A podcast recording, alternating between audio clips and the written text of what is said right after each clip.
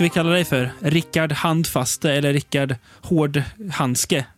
Vad, eh, Hårdhandske, det gillar jag. Det riktigt, riktigt bra. vet, du vad, vet, du vet du jag kommer att tänka på nu? Något som man tyckte var torrt när man var ung. I alla, fall, I alla fall jag. Det här, här kan kanske våra åsikter skilja sig åt. Det kan till och med vara så att du och jag har pratat om det här gången. Men den här serien Hagbard. Ja, men Hagbard, det, jag tror... Jag vill minnas som att jag inte riktigt fastnade för Hagbard. Nej, inte... Jag läste väl lite Hagbard, men det fanns alltid Mm. någonting som skevade där. Att man inte riktigt... Ah. kan ju också vara så att den var skriven för en något äldre publik än vad man själv var när man läste den. Jag eh, stötte nog på Hagberg första gången jag var kanske typ så här 9-10. Ja. Eh, Jag vet inte. Jag tänker lite som den här goa serien Dilbert, du vet. Som också är lite mer lite så här, ja, inte för små barn. Inte för att den är förbjuden på något vis, men den är ju väldigt torr på något vis. Ja, oerhört. Men vad, hårdhandske. Ja, det är väl bra. Vad, David... ehm, vad låter vikingaktigt? Jag, he- jag tänkte, jag heter ju David Lesbe och Kalte i din te- telefonbok, men det var ju faktiskt ett eh, Kunganamn. kunganamn, ja precis. Eh, kanske lite efter och vikingtid. Kalte, Men det är ju Den bra är så ändå. bra.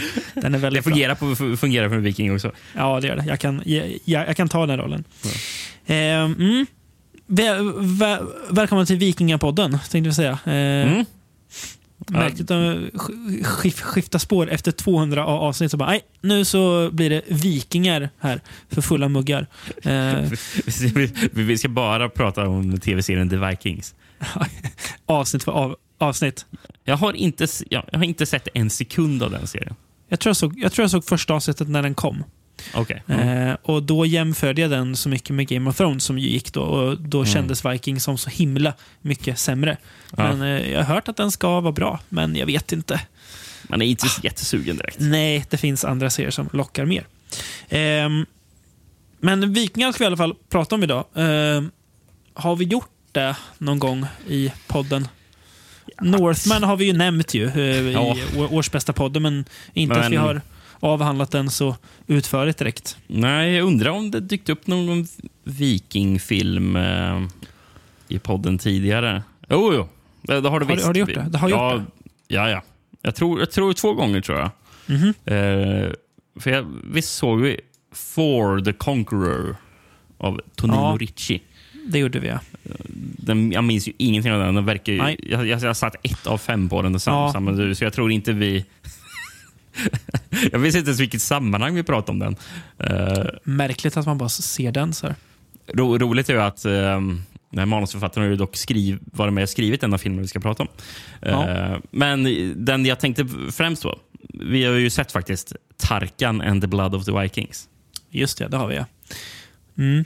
Tänker inte på den som en, viking, på en vikingfilm på samma sätt, men det är det ju ändå får man ju säga, för det är ju vikingar i den. Mm. och med andra ord är en vikingfilm. Just det, det har vi sett ja. Eh, ja, men eh, vi tar eh, lite färskblod i det här av- avsnittet och eh, pratar om massa vikingar. Vikingar Mm. i mängder, i eh, otal. Eh, och börjar långt tillbaka för att vara oss. Vi eh, har vi säkert nämnt förut, men känns som att vi generellt sett rör oss mest 70 till 90-tal i podden. Ja. Det är i och för sig eh, väldigt brett, spe brett spektrum, så jag, jag, ska inte säga att, att det är något unikt vi gör. Men det, det verkar vara så att, att filmerna vi ofta väljer landar någonstans där. ofta. Mm, Eh, 60-tal, men 50-tal brukar vi gånger. inte riktigt vara på. Men Nej. det ska vi börja med idag då. Det ska vi. Eh, 1958 va? Mm, precis. Med en, och anledningen till att vi börjar med den här filmen är väl lite för att den startade ju, kan man väl säga, en vikingatrend. Mm.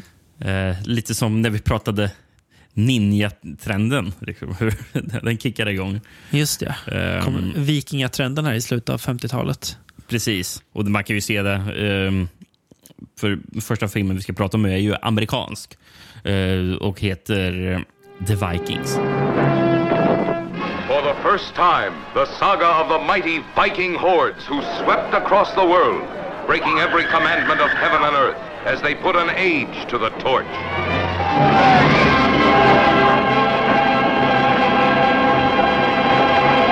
filmen vi kommer att prata, prata efter är ju uppenbart så här någonting som följer eh, följer den här och då är det ju en italiensk film.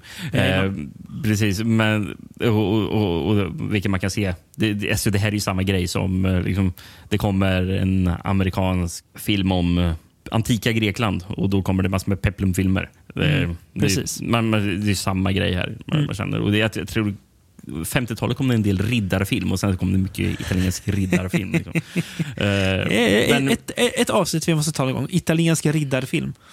Ja, det ska vi definitivt göra. Mm. Jag har hittat massor med coola. Oh,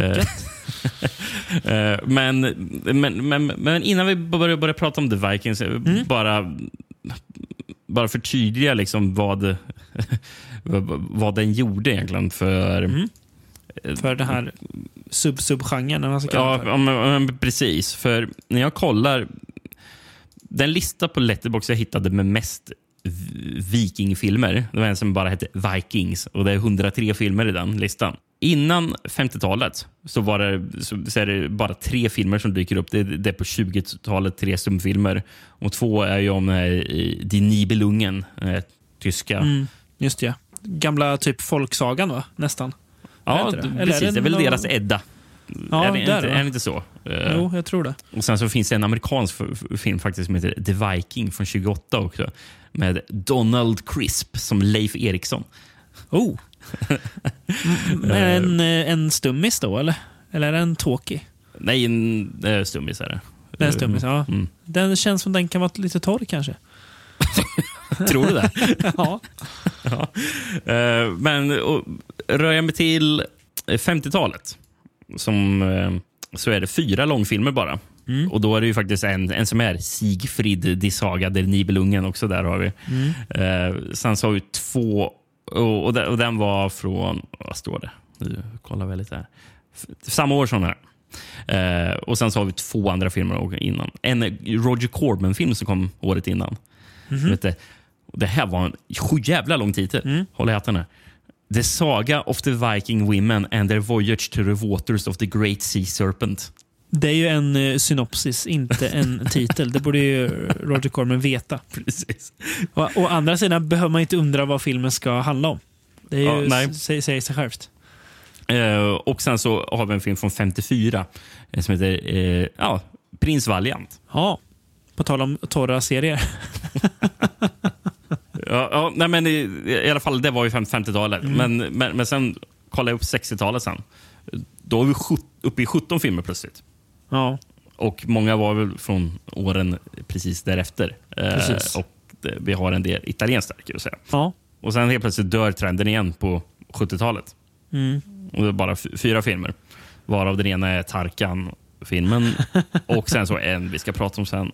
Och sen helt plötsligt på 80-talet 20 filmer. Märkligt. Ja, nej, det är inte tillbaka. 20 filmer. Det är massor med jävla tecknade kortfilmer som vi kan Aha. typ halvera mängden. kan vi göra. Ja, men ja. Tio, ja. ja. Men ja, men ja, men det, det, dubblas på 80-talet. Ja, men då, då, då, märker man ändå 60-talet. Mm. Vad det ja. påverkades av The Vikings från 58. Exakt. Som, eh, jag tänk, kommer inte dra några alternativa titlar på den för eh, alla, alla tyckte det var så, så tydligt bara. Ja, vikingar. Ja. Bör, vi, bör vi sälja den med något mer? Eller? Vi, det, så det, är bara Vikingarna. Ja. Eh, som den hette i Sverige. Vikingarna. Mm. Mm. Jag hittade faktiskt en svensk affisch på den. Ja. Eh, eh det står ett mustigt, barbariskt och praktfullt äventyr. Fler filmer borde beskrivas som mustiga, tycker jag. Ja. Eh, sen, bra, bra, tit, bra eh, titel, bra begrepp menar jag. Ja, och sen så, vad står det mer? Det är lite blurbs på den. Grann, levande scener som är rena mästerverk. Filmen har både fantasi och geist. geist, ja.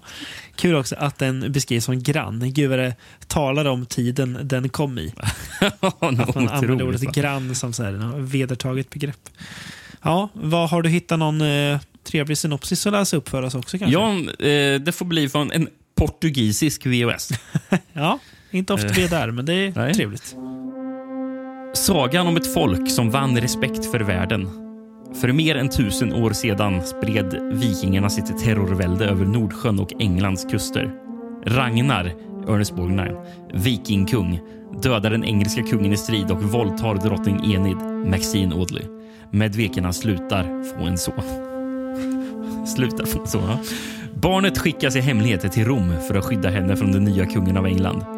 20 år senare är Ragnar fortfarande vikingledaren och hans son Einar Kirk Douglas, nu en modig krigare, bestrider Morgana, Janet Lee, kärlek med sin dödliga fiende Eric, Tony Curtis, utan att veta att båda faktiskt är bröder. Och Eric är den rättmätiga arvingen till den engelska tronen. Mot bakgrund av denna spännande plott beskriver regissören Richard Fleischer vikingarnas och engelsmännens historiska kamp för dominans i regionen som vid den tiden var världens centrum. Var Nordsjön världens centrum? Tveksamt va? inte, ens, inte ens Europas centrum skulle jag säga att det var. Kanske, kanske norra Europas centrum. Ja, precis. Möjligen att det var det. Jävla tveksam sista fras där. Ja, verkligen.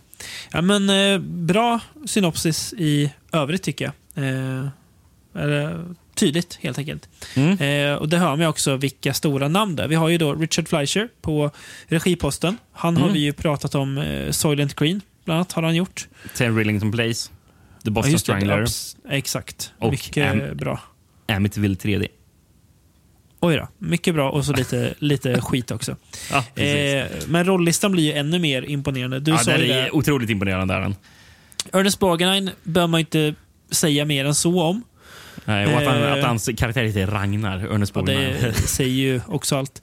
Hans son då, som ska spe spelas av Kirk Douglas. Som ju, jag tänkte tänkte kolla, så, okej, vilka From Beyond-filmer kan man hitta Kirk Douglas i? Och då jag, just det, han är ju faktiskt eh, med i början av den ändå lite goa Stallone-filmen Oscar. Ju. Han är väl Just ja. pappan där som dör i början. Ja, just fan. Ja.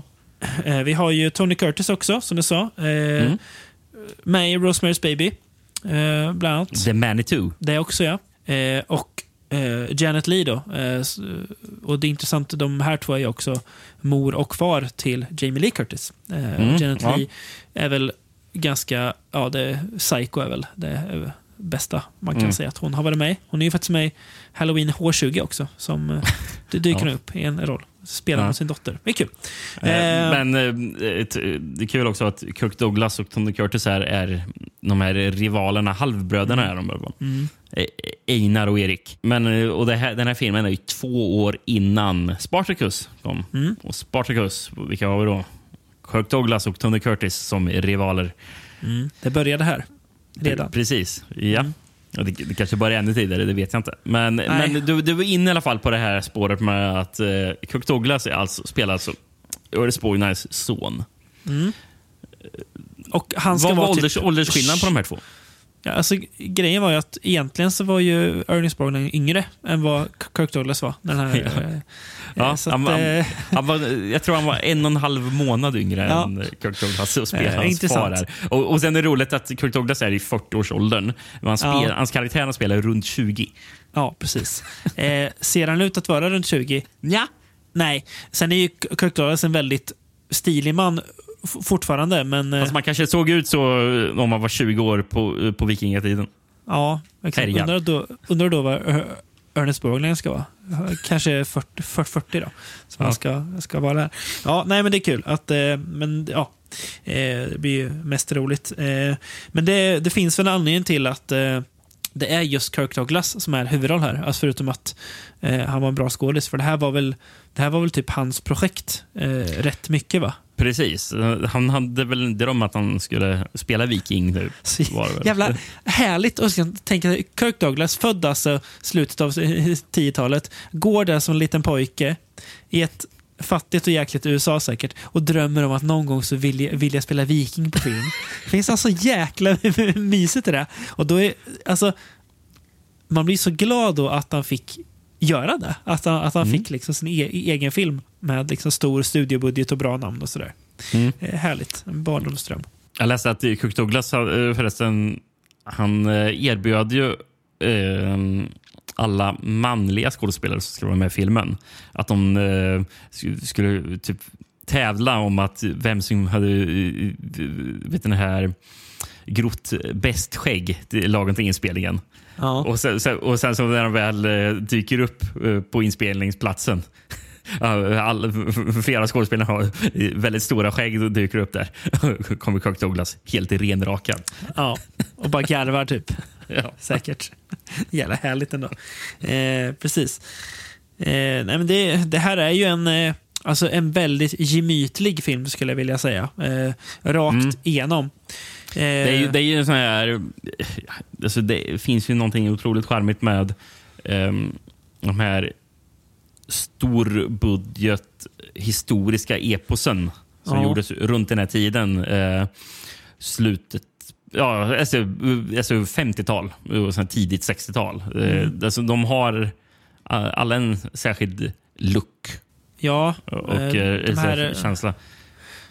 är väldigt fin. Alltså färgerna är också så här, något som också sticker ut som man bara känner att det är just den här tidseran den här, de Mm. här färgerna är ifrån. Eh, väldigt eh, trevlig. Precis. Eh, och jag läste att den eh, blev ju en hit också på, bo- på Box Office. Eh, eh, så pass att det blev... Det kom ju en tv-serie nu, mm, typ sam, nej, året efter, tror jag.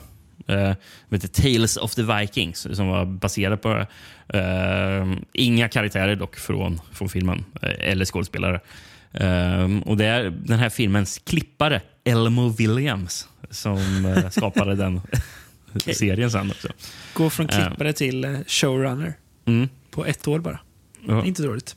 Ja, men alltså, alltså, grejen med, med, med den här och många av den här typen av historisk epos. Det är, det, det, är, ju- det, är få, det är vissa som sticker ut. Eh, typ Spartacus och sådana som var bara... Ja. Ja. det här levererar ju också på vad eh, eh, den, den, utlovar. För, för, för, många av de här bara... Oh, fan, det, det ser ju pampigt ut. Eh, Ja. och eh, ser ju, alltså med, med alla de här stora setsen med eh, rekvisita och, Mm. och så bra skådespelare och sådär. Men sen så blir det ju ofta väldigt torrt.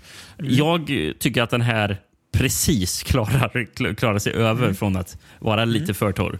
Men eh, det- den, den har, eh, jag, jag, tror det fungerar för att den eh, karisman på Kirk Douglas främst och eh, Ernest Borgnine.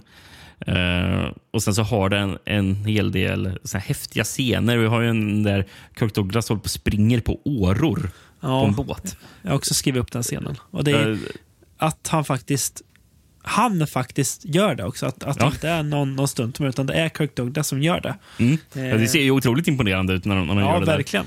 Eh, men men det, det jag menar att, eller försökte säga var att eh, jag vet ju att många av de här till exempel riddarfilmerna som jag, jag pratade om. eh, Som man, ser, man, man ser en affisch på en riddarfilm från 1956 och bara fan det här ser ju ändå festligt ut. Och sen så man ser man här grannbild i Technicolor och bara oh jäklar vad härligt ut det ser ut. Och så vet jag att det kommer ju vara otroligt torrt. Det kommer Finns, vara finns liksom, det risk för det? Liksom? Precis. Det, och, det, och det kommer- var jag ju orolig med när jag slog på filmen och bara hoppas det nu faktiskt levererar. Precis. För skillnaden mellan den här filmen som jag tänker och den typen av filmer du beskriver där, där det snarare blir att det kanske finns någon häftig scen eh, och, och sen är det mest bara ointressant snack och dravel. Eh, här tycker jag att handlingen funkar också. Eh, alltså den, den räcker för att eh, hålla hela filmen. Eh, och känns ändå så, ja, men det är bra ramberättelse för att bygga in allt det här härliga. Jag tänkte, tänkte, säga, tänkte säga swashbucklandet, det är ju inte riktigt pirater, men du fattar vad jag menar. Det här äventyrandet Ja, liksom. men det är ju swashbuckling fast med Ja, vikingar. Är, Exakt. Ja, just det, pi- piratfilmer kom det ju också väldigt mycket vid den här tiden. Ja, klart riddare, riddare, vikingar, pirater och eh, främst eh, antika i, Ja. romarriket och greker. Liksom, eh, Undrar vad det var som, som gjorde att man liksom fick upp intresset så mycket för Äventyr. Ja, Historiska och det är äventyr. här historiska. Och in, intressant att 70-talet kanske snarare var att man var väldigt mån om att skildra sin samtid eller möjligen blick, snarare blicka framåt. Eh, så var det här mer titta bakåt. Mm. Ja, men samtidigt, hur mycket sci-fi kom det inte på 50-talet? Så, Jo, det är sant. som väger mot, mot det. ja, liksom. det jo, jag, tror, vi- jag, jag tror vi kanske tänker så för att vi just tittar på exakt. här, de här filmerna vi pratar om. Det Men- vi har valt Eh, ut, ja. Mm. mm. Jo. Eh, den är filmad i en eh, liten by i Norge. Eh, Kvinnherad. att- Ja, Eller Kvinnerad. Eh, Eller hur, vad ska man säga? Hur uttalar den? jag tyckte det sista där lät bra. Ja. Eh, Men även filmade Tyskland, Kroatien och Frankrike. Ja. Okej, in- men, men de här liksom scenerna när de är mycket vid vatten är väl Norge, va? För då är det väl typ... alltså- Jag vet inte. De, de, de har filmat också vid något eh, sån här Fort Boyard-aktigt i, i Frankrike. Jaha. Det var det var en sån här sl- borg, slott ute i vattnet, eh, i- ute i havet. Mm. Eh, såg, såg en bild på. Eh, men, så, jag- men jag tror de har filmat mycket i Norge. Fattar Ja. jag det som. Eh, Och jag läste att den här, det är, det är som sagt en liten by och att man typ fort, alltså att man fortfarande idag är lite, eller väldigt stolt över att en gång i tiden kom stora Hollywood hit. Ja. Eh, sen var det kanske inte, det blev inget mer än så, men de kom faktiskt hit en gång och gjorde någonting. Det är Ja. häftigt. Eh, och det var väl väldigt kallt i vattnet också. Eh, för den, eh, så att det, de här scenerna när han studsar på åror så är det ju folk också som ramlar i. Det måste ha varit fruktansvärt kallt eh, i det där vattnet. Det var väl det tror jag att det var. knappt att eh, isen hade smält liksom innan man Ja. skulle ner där. Men, men, vad gör man inte för konsten? Sen gillar jag um, Kirk Douglas ser jäkligt cool ut med eh, sitt blinda öga. Som har, de har ju någon eh, eh, lins som han fick bära. Så, han, så hans öga ser ser typ vitt ut. Den, det, det öga som han är blind på. Och Det var ju tydligen väldigt smärtsamt att ha på sig. Så- han kunde bara ha, ha i den när det var en tagning. Sen fick jag ju typ ta ut den direkt. Det var väl typ glaslinser då va? man körde med tror jag. Eh, Jag tror det va? Jag vet att jag har läst när de gjorde Evil Dead, eh, när de blir besatta och har linserna. Nu var ju det en jättelåg budgetproduktion, men det var också 20 år fram i tiden typ. De linserna kunde de ju typ maxa i en minut åt gå- gången för att sen så blev det började liksom skava så på ögat. Fy jag tänker att eh. Kirk Douglas kan inte, det kan inte varit så jätteskönt för honom heller. Eh, nog att ha den där. Ja, ja Men det, det är ju bra effekt. Det ser ju Mm. ändå Men trovärdigt Precis, ut. men, men jag tänkte i um, Valhalla Rising Mm. så har ju Mads Mikkelsens karaktär också ett sånt där eh, Just det, ja. Vitt öga för att han är blind på, Mm. på ögat. Jag bara, oh, undrar om det är referens till The Vikings? Ja, kanske. Mm, vem vet? Eller Eh, till Oden. Som väl också det, det, det, det, kan, det kan det ju också vara. Eh, Men det, det vore godare om eh, Niklas Winning ref, j- gjorde en referens till en, en härlig film från 58 han såg när han var ung som han fastnade för. Precis. Det är ju Eh, inte alls omöjligt att det är så. Den känns ju ändå, eh, trots att det är amerikaner och som, som spelar och det finns för mycket som inte är historiskt korrekt med filmen. Men, men den känns ändå lite så här au- autentisk i, sin- i det, det, det, har någonting med det eh, som känns autentiskt i alla fall i filmen. Eh, Ja, och, och, den är, och den är inte läste att- helt, eh, helt liksom historieförvanskande. Till Nej. exempel är att de vikingarna har väl inte horn på hjälmarna i den här filmen. Nej, kanske de inte hade. Det Nej, jag tror, fan nej, jag, jag tror faktiskt inte de har det. Och det är, jag kan tänka mig att Kirk Douglas ändå hade så pass bra koll att det var lite viktigt för honom att... Ja, men, jag, läste ju att Richard Fleischer hade gjort eh, typ research i två år innan han gjorde filmen. Oj, jäklar. Ja. Ehm, så, och eh, sen de här vikingaskeppen som är i filmen. Det är tre stycken skepp som designades utifrån eh, ritningar eh, som, som från den tiden. Som, som, hade, som hade hittats i vatten och hade restaurerats till ett eh, vikingmuseum i Norge. Ehm, de ritningarna. Så de, de, man för, för att bygga skeppen. Och, och de hade ju byggt, alltså, byggt dem så korrekt enligt de här ritningarna så att de, insåg ju sen att fan, vi gjorde det för korrekt. För skådespelarna eh, som skulle sitta och uh, ro eh, med, med årorna. så De var liksom som, människan hade kanske, vet du, standardlängden på människan hade blivit lite man är lite längre än vad man var tusen, Jo. år, tusen år innan. Så, eh, så de märkte fan, ja, det är för trångt. Så, så de kunde knappt ro. Så de fick ha att eh, eh, hå- hålen, eller typ varannat hål för årorna eh, fick, fick de plugga igen så att det inte skulle se ut som att det var ett tomt år, hål för årorna. Där. Eh, så, så, så, så, att det blev typ en så det blev extra utrymme. För, an, för annars skulle de inte kunna få plats och ro.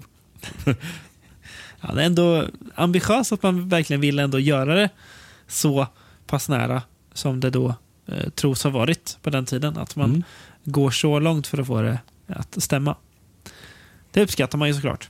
Ja, verkligen. Eh, nej, men det, det är som jag sa tidigare en gemytlig film. Det är en trevlig film. Det är bra underhållning. Eh, och den, det är lite där du sa, den gör det man förväntar sig att den ska göra. Mm. Eh, inte jättemycket mer heller tycker jag inte, men Nej, det- det, är så här, det är bra nog. Alltså, så här, ja, en trevlig film. Eh, som ändå motsvarar förväntningarna och aldrig blir, eh, framförallt aldrig blir tråkig. Och det är väl det som är eh, nyckeln när det kommer till sådana här film. Jag läste ju för han som fotar filmen, Jack Cardiff, Mm. eh, eh, säger någonting om hur länge han jobbade. Och väldigt skild, vitt skilda filmer han har fotat. Mm. Eh, för, för, ut- förutom den här, några år innan, eh, The African Queen med eh, Humphrey Bogart. Just det. Eh, och sen så på 80-talet, Rambo, First Blood Part 2. Just tvåan också. Inte, in, inte första, utan tvåan. Ja. Och Afrikas drottning är väl 40-tal, va? Eller? Ja, nej, det, det, kanske- är nog, det är nog eller är 50. de- Nej, det är för, för 50-tal kommer jag på. Ja, Ja, är den annars, eh, typ precis runt sett den. 50 va? Ja, tidigt 50. Är det Elizabeth Taylor också den, eller? Får jag bara för mig att det är det? Nej, det är Catherine Hepburn. Så är det. Ja, Och sen så är den ju gjord av John Huston. just det. Tror jag. Jag för mig att jag såg den, undrar om jag såg den på tv, att det var sån här, eh, mm. sån här matinévisning på SVT eller någonting. Eh, för här 15 år sedan. Någonting. Mm. Jag Och du passar på att se när det ändå var en bogeyfilm på tv. jag, jag, jag, jag vet inte riktigt varför jag såg på. Men uh, uh, man insåg bara, fan, det här var ju svinbra. Ja, ja jag kan tänka mig att den är eh, mm. Ska vi eh, gå vidare till vårt kära land eh, i södra Europa eh, som eh, kanske mer i alla fall hade varit eh, världens mittpunkt där ett tag innan det gamla riket föll, på tal om det som stod eh, på den portugisiska VHSen. Precis, och, och det här tre år senare. Då. Yes. Och eh, vad handlar filmen om? Två bröder. Mm, det låter lite likt. Eh, den den förra filmen. Men de, det, är, inte samma handling. Men, men det finns en del likheter. finns det. Och filmen vi ska prata om nu den heter då Erik Erövraren. Nej, Eric the Conqueror. The Vikings will dominate the North Sea. When warfare was the way of life and Vikings challenged all nations for world mastery, man's strength was in his good right arm, his sword, and his faith in his gods. Gods to whom Vestal virgins dedicated themselves. And those who violated those sacred vows were punished by death. Legend describes the impressive spectacle of their Viking wedding, the beauty of the bride, beauty that inflamed the cruel cunning of a strong and vicious enemy, who successfully captured her. Now, when he bites, you'll be killed in a horrible agony. Den hette tyvärr inte Erik Erövraren i Sverige. Vilken, vilken alltså, missad möjlighet till en slagkraftig titel. Även om det är en rak översättning så blir det så bra på svenska. Ja. Erik Erövraren. Precis, som, är det allitteration eller? Ja, precis. Ja. Det är sa samma bokstav flera gånger i Mm. rad. Precis. I Sverige hette den istället eh, Vikingarnas hämnd. Usel titel. Ja, den var ju mycket svagare. Eh, jag vet inte riktigt varför man tyckte man behövde spöda översätt, eller ändra på det. Eh, och den här Vikingarnas hämnd är faktiskt den vanligaste titelvarianten i alla länder jag kollade upp där. Vad hette den på, om, om man översätter it italienska titeln då? Inkräktarna. Den är inte Ja, okej. jättebra. Nej, men jag, jag, tänkte man översatt den till Vikingarnas hem, men nej, inte det heller. Nej. Eh, Holland, Vikingarnas storm. Mm. Och väldigt likt Mexikos vik Vikingarnas raseri. Mm. Och sen så har vi Danmark. Norrmännen sista tukt. Va, va, va, vad sa du? Si- Sista tukt. Tukt, tukt. Låter som att att, att du pratar danska. Sa jag inte att det var danska? Sa du inte Norge, eller hörde jag fel? Det var, det var därför det blir så kortslutning i, mitt huvud. Varför, Jaha, varför pratar han danska när det ska vara norska? Ja, okej. Det var danska i alla fall. Och Ja. det, det betyder alltså normandernas sista marsch. För det Okej. Mm. tukt eh, förstod jag inte riktigt. Men, ja. eh, Tyskland, konungens märke. Den är bättre. Den gillar jag. Bättre i alla fall. Ja, men mycket bättre än Vikingarnas hämnd och allt det där. Eh, Grekland, Nordsjöns örnar.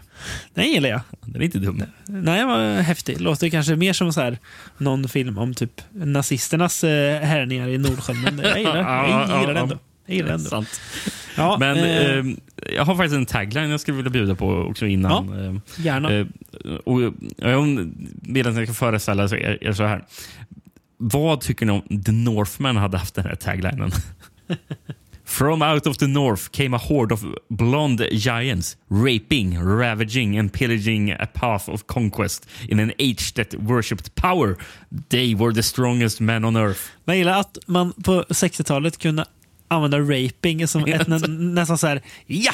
Ut, uttryck som var så här, och kolla på de här mäktiga våldtäktsmännen som drog fram. Jag- Jag ska inte säga att taglines var bättre förr, men de var i alla fall annorlunda förr, får man väl säga. Eh, säger väl kanske lite om eh, tiden där också, att man använder det ordvalet eh, för att beskriva vikarnas härningar. Även om det kanske var korrekt också, förvisso. Vad eh, har du för något att läsa upp från det här då? Jag, alltså, jag, jag, jag är sugen på att kalla den Erik Erövraren för att du gav mig den titeln. Det känns liksom, om inte svenskarna tog hand om den tidigt 60-tal så kan väl vi göra det nu? Ja, Som en ja, slags eh, gest till eh, Mario Bava. det tycker jag vi kan göra. Eh, men det jag ska läsa upp dock är en spansk VHS.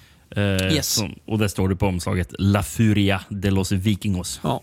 Och håll i hatten här, för den, den har ett par meningar. Den engelska kungen Lothar, på råd av sin minister Gunnar, attackerar kolonin Aeo, vikingarnas kung. Alla vikingar, även kungen, dör i striden. Alicia, kung Lothars hustru, hittar en liten viking, ensam och gråtande, och adopterar honom. Den lilla killen har en tatuering på bröstet. Många år har gått. I vikingarnas nya länder regerar Floki, bror till kung Aeo, nu. Kungens brorson, Iron, vill hämnas med massakern när hans far och syster Erik dödades. Han bär också på bröstet en tatuering som är lika med den lilla viking som antogs av drottning Alice. Iron älskar Daya, en ung prästinna till guden Oden. Daya har en tvillingsyster som heter Rama. Daya uppmuntrar Iron att återerövra sin fars rike. Under tiden i England har kungen dött. Drottning Alice styr landet när hon får nyheten att vikingskeppen ska attackera anförtror försvaret till sin förbjudna son under titeln hertig av Helfort. Under striden blir hertigens skepp förstört och försvinner. Vikingarna fortsätter sin marsch mot slottet. Gunnar, som fruktar för sitt liv och förråder drottningen om hon tas till fånga och tas till järnens hemland, som redan har sitt rike, kan beröva Daja hennes prästlöften. Hon kommer att vara drottningen i Lotars land. Rama Rama, Dajas tvillingsyster, hittar en skeppsbruten man på stranden som är ingen mindre än hertigen av Hellfort som anförtror henne sin identitet och som hon blir kär i. Men Eric, istället för att gå, hittar Daya och tar henne till en gren. Hon upptäcker misstaget och fördömer honom. Efter en kort kamp, Eric besegrade, döms till döden för nästa dag. Under natten befriar Rama honom, liksom drottning Alice, och de tre flyr i ett litet skepp. En gång i England erövrar Eric, med det som var lojala mot drottningen, slottet och kastar Gunnar ur ett torn. Under tiden avgår en vikingflotta för att ta den rymde Rama till fånga och offra henne till guden Odin. Men under striden och under en duell till döden mellan Eric och Iron ser den senare på Erics bröst samma tatuering som han bär på sitt kött. Det är uppenbarelsen. De två bröderna omfamnar varandra. Men en pil sårar Iron dödligt. Rama, som låtsas vara hans fru Daya, tröstar honom med hans plåga. Senare kommer ett vikingskepp att ta kroppen av sin döda kung till sina länder. Där var jag klar. Världsrekord i baksidetext. Det är det sjukaste jag hört. Inte så mycket. Dels är det väldigt rörigt det du beskriver, men att det liksom aldrig tog slut. Du beskriver hela filmen. Jag tappar bort mig någonstans eh, halvvägs in och bara nu, nu, nu låter jag bara Rickard prata för nu, nu vet jag inte vad han pratar om längre. Jag, jag, jag börjar också Tappa bort dig. jag pratar, Ja, jag om. förstår Eh, varje, varje gång jag sa Iron, det var väl e Aaron heter han ju. Ja, Aaron. Som spelas av Exakt. Cameron Mitchell. Ju- David Cameron Mitchell, även känd som i den här podden. Precis. Och den där kungen Ayo. Du vet inte vem det är. Nej, Nej, men eh, alltså bara i, i början här att alla vikingar dör. Nej, det, det, det gör de ju inte. Eh, Utan det är ju vikingar som slaktar folk i början. Eh, och det är ju en brittisk kungs två söner är det väl. Som, eh, den ena tas hand om av britter, den andra av vikingar. Och det är de som sen Precis. möts. Alltså, eh, väldigt enkelt eh, skulle man ju bara kunna beskriva det Ja. som att eh, filmen handlar om två bröder, Eric och Aaron, som eh, separeras under en vikingaräd mot England. Mm. Och Erik växer upp i England medan Aaron växer upp i, i vikingaländerna. Som, Ja. som det är. Var, var, vart de är nu, det vet jag inte. Ja. Eh, och sen så när de är eh, vuxna så blir Erik hertig av Hellford i England medan eh, Aaron är vikingarnas ledare. Och de möter sen varandra. Exakt. Och, och då, just då, då får hon också reda på att de är bröder. Men, Ja. eh, och, men, och då kan man tänka att det blir en konflikt att de ska slåss. Men nej, de teamar upp för att de ska slåss mot den skurken, Sir Rutford. Exakt. Så det, är en liten, Det, det var väl tydligare? twist. Ja, mycket bättre. Eh, som du sa, Cameron Mitchell spelar då Aaron och Eric spelas av då George Ardison. Låter som ett påhittat namn. Eh, de här herrarna är ju, eh, för den som älskar sin Mario Bava, för det är han som gjort den här filmen, så bör man ju ha koll. För att men Cameron Mitchell är ju bland annat med i Blood and Black Lace. Mm. Och eh, George Ardison då, jag vill hela tiden säga George Harrison, men det är ju fel. eh, bland annat med i Hercules in the Haunted World.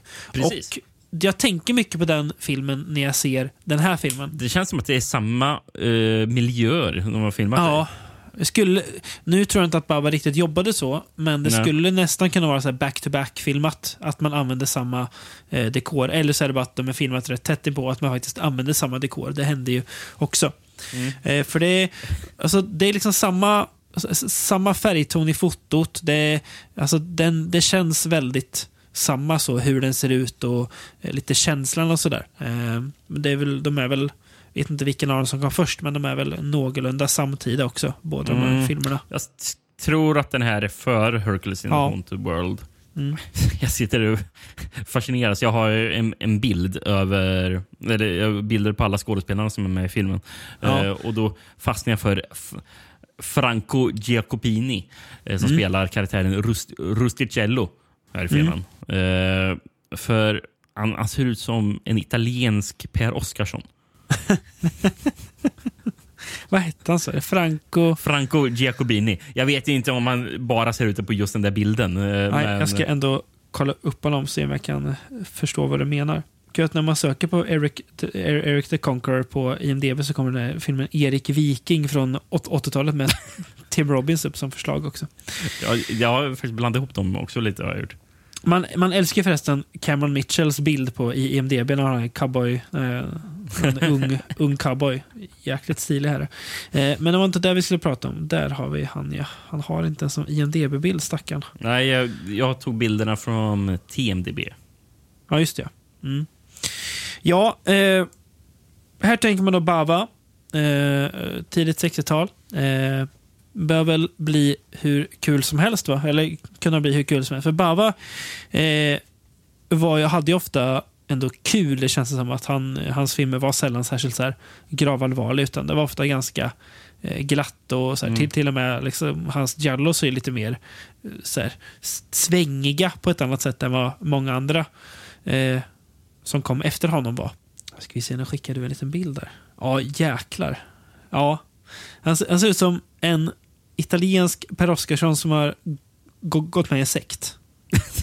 och inte, inte rakat sig på länge. Ja. Ja, det var, ja, det var bra. Eh, nej, men eh, jag har ändå så här lite förhoppningar på den här filmen. Eh, eftersom att jag vill minnas att vi båda gillade Hercules in the Haunted World en del. Att det var, det var en härlig stund. Det, det, jag, tycker den ändå har en charm. Mm, Har den. Jag, jag, tycker den, jag, ty, jag tycker den är väldigt snyggare. än, ehm, Den är väldigt och- snygg. och- Men, men, men här märker man verkligen så här skillnaden på eh, den amerikanska filmen vi pratade om några år innan. här då, Mm. Och eh, Sen kommer den italienska rip-offen om man ska vara så hård och säga det. Ja. Men, Mm. ja. För man ser ju tydligt att den amer- amerikanska filmen är mycket dyrare och mer, alltså mycket mer påkostad. Men italienska filmen, det är snyggt och man lyckas använda den, den, här, den mindre budgeten fullt ut. Alltså man, Mm. det känns, och det kanske är att det är just Mario Bava, men man märker att han liksom lyckas kräma ur all, allting han an- använder i alla fall. För jag jag, jag, jag, tycker den är väldigt snygg i de här... Det är Jo. väldigt mycket så inomhus, mörka inomhusmiljöer som Cameron Mitchell springer omkring i. Men det, jag tycker... my- Mycket eld och sånt där. Mm, många, Ja, men det- mycket, jag- jag- mycket facklor som brinner. Precis. eh, ja, men det, det är snyggt där. Och, ehm, jag kollar upp vilka hade fotat filmen. Det, det står ju Mario Bava, gör det ju. Eh, Men sen står det också en Ubaldo Terzano. Jag vet inte fan Ja. vad han har gjort annars. Men eh, främst är det väl kanske Bava som... För han brukar väl fota det mesta. Det visste jag faktiskt inte att han gjorde. Det är faktiskt nytt för mig, men det, jag ska inte bli förvånad. Eller har jag bara fått för mig det? Nej, det, jag, alltså det, jag, jag säger inte emot det, det är bara att jag inte hört det, men det, det kan säkert stämma. Foto mm, av Bava. Black Sunday, Blood and Black Lace, Bay of Blood, Planet of, Planet of Vampires, Ja, Danger. Diabolik, Ra- Rabid Dogs. Ja. Ja. Det bara fortsätter. Ja, då så. Ja, Men det, då fattar man ju också det här att han var en väldigt... Att, alltså, att, att han var en väldigt visuell regissör också. Om man till och med hade ögat för hur fotot faktiskt ska vara. Och att han till den grad att han gjorde det själv. Jag funderar på den där Ubaldo Terzano. Vad är det där för person? Jag känner igen det namnet ändå. Mm. Eller så vill, känner jag igen för att det låter som något annat namn. The Whip and the Body har han fotat. Mm, en annan Bavarulle. Jaha, du, jaha, ja, men det- undrar om de jobbade ihop flera gånger också. För han står på um, Black Sabbath också, gör han. Ja, Och Blood and Black Lace som nämnde att Baba också hade fotat. Så det, eh, sen så, det, här, det här är roligt. För, liksom, när, oftast när jag bara kollar upp eh, folk som har varit med i filmer så är det bara vad de har fotat. Men, men här, man står faktiskt som camera operator på massor med grejer. Så är det till exempel New York Ripper. Deep Red är han camera operator på också. Eh, Så, ja, han, har, han har jobbat en del som sånt. Så. Mm. Vet, för, jag bara, måste bara ta upp medan jag har det spåret. Vet du varför jag känner igen namnet Ubaldo Terzani? Nej. Därför att eh, 2010 kom en eh, italiensk film som heter Ubaldo Terzani Horror Show. Eh, Men då är Ubaldo Terzani en, en karaktär som är en eh, eh, som skriver skräckböcker. Eh, men det är väl säkert byggt på Namnet måste ju vara taget. Jag har för mig att den är Mm. riktigt dålig. Alltså, sån så här, ja, du hör ju en italiensk lågbudgetskräck från 2010. Ja. Eh, kan ha sett den, ingen aning. Men jag visste att namnet var bekant på något sätt i alla fall. Ja, Ja. Men eh, ja, jag jobbar mycket med Bao och det är väldigt snyggt. Det håller jag verkligen med om. Ja. Eh, nej, men, så, det största problemet med filmen ska vi säga, det är nog filmens första halva. Mm. För den är lite seg att ta sig an.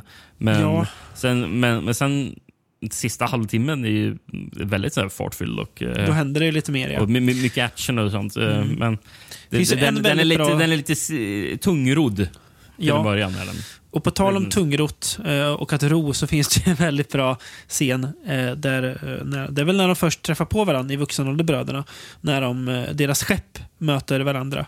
Mm. Och det utbyter en fight-scen. Det är väldigt bra. Ja, den är, Men jag håller med. Jag, jag, det, mitt, mitt problem med filmen är eh, att jag tycker att med tanke på vad det är för typ av film så borde det överlag vara mer fart och fläkt. Eh, Mm. Jag tycker att den där sega första biten tar lite för mycket eh, på filmens helhet. Så att jag tycker Mm. det, det drar ner. Men eh, när den är kul så är den rätt kul. Men jag tycker det är, det är för lite av den varan. Det borde vara mer.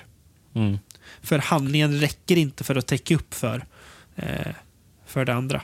Jag måste ju förresten nämna de här två Rama och Daya som jag nämnde otaligt många gånger i synopsisen.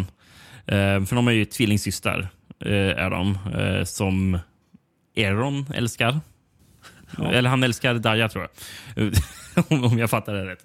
Eh, det, det, det är ju två tvillingar på riktigt. Där. eh, Ja. Eh, Kessler-tvillingarna. Som eh, var väldigt stora i särskilt Tyskland och Italien med den, med den här tiden. Var de. Eh, de, jag tror de hade ett program på Rai Uno vid den här tiden. Rayuna. Ja. Det är, men en rolig, väldigt rolig grej med Aaron, eller Cameron Mitchell, det är ju att eh, det, det finns ju en engelskspråkig version av filmen. Eh, som Ja. jag för övrigt tittade på. Det var den jag såg. Det är inte Cameron Mitchell som dubbade sin egen röst, utan det det är någon annan skådespelare. Det är ju konstigt. Mm. Kanske inte får i hans kontrakt. Man får inte höra Cameron Mitchells eh, ljuva stämma. Nej. Det man får, får se dock är hans märkliga bröstbehåring som har en märkligt röd ton. Eller nej, hela hans, hans eh, hår. in- in- Inte bröst... Jag vet inte varför jag tänkte brösthår för. Jag har ju bara skrivit hår. Han, hans hår har en märkligt röd ton i den här filmen tycker jag. Jag vet inte om, om, om det är för att han ska vara lite så här, eh, alltså Norseman, men det är ju inte egentligen. Han är ju för tusan eh, britt. Jag vet inte. Ja, Ja, precis. Eh, så jag vet ja, en märklig hårton tycker jag, som jag bara tänkte, det måste jag skriva upp också. Men eh, annars gillar jag ju Cameron Mitchell. Han har ju en, en charm ja, eh, som är svår att eh, beskriva, men den finns där. Den finns där. Eh, jag läste Eh, ja. förresten k- kul, kul grej. Eh, manusförfattaren Oresti Biancoli. Eh, alltså, Mm. alltså skrivaren här och har skrivit Cykeltjuven. Ja, jag blir lite mållös. Jag visste inte riktigt hur jag skulle svara. Det är lite, lite skillnad på de filmerna va? Italiensk neorealism mot eh, vikingaäventyr. Eh, lite, lite skillnad. Ja. Får man verkligen säga. Eh, undrar varför den ena har blivit mer eh, historiskt lyft och hyllad än, än den andra. Mm, det behöver vi kanske inte fundera över ens. Ska vi fundera över en annan film eh, och dess historiska relevans? Det kan vi göra. Eh, vi, vi ska skämmas lite å våra egna vägnar, för vi ska, eh, vi ska norrut till Sverige. Och Då tänker man, ja men bra, svenskarna borde väl veta hur man gör vikingafilm. Mm. Vi, visste de det? Eller visste vi det?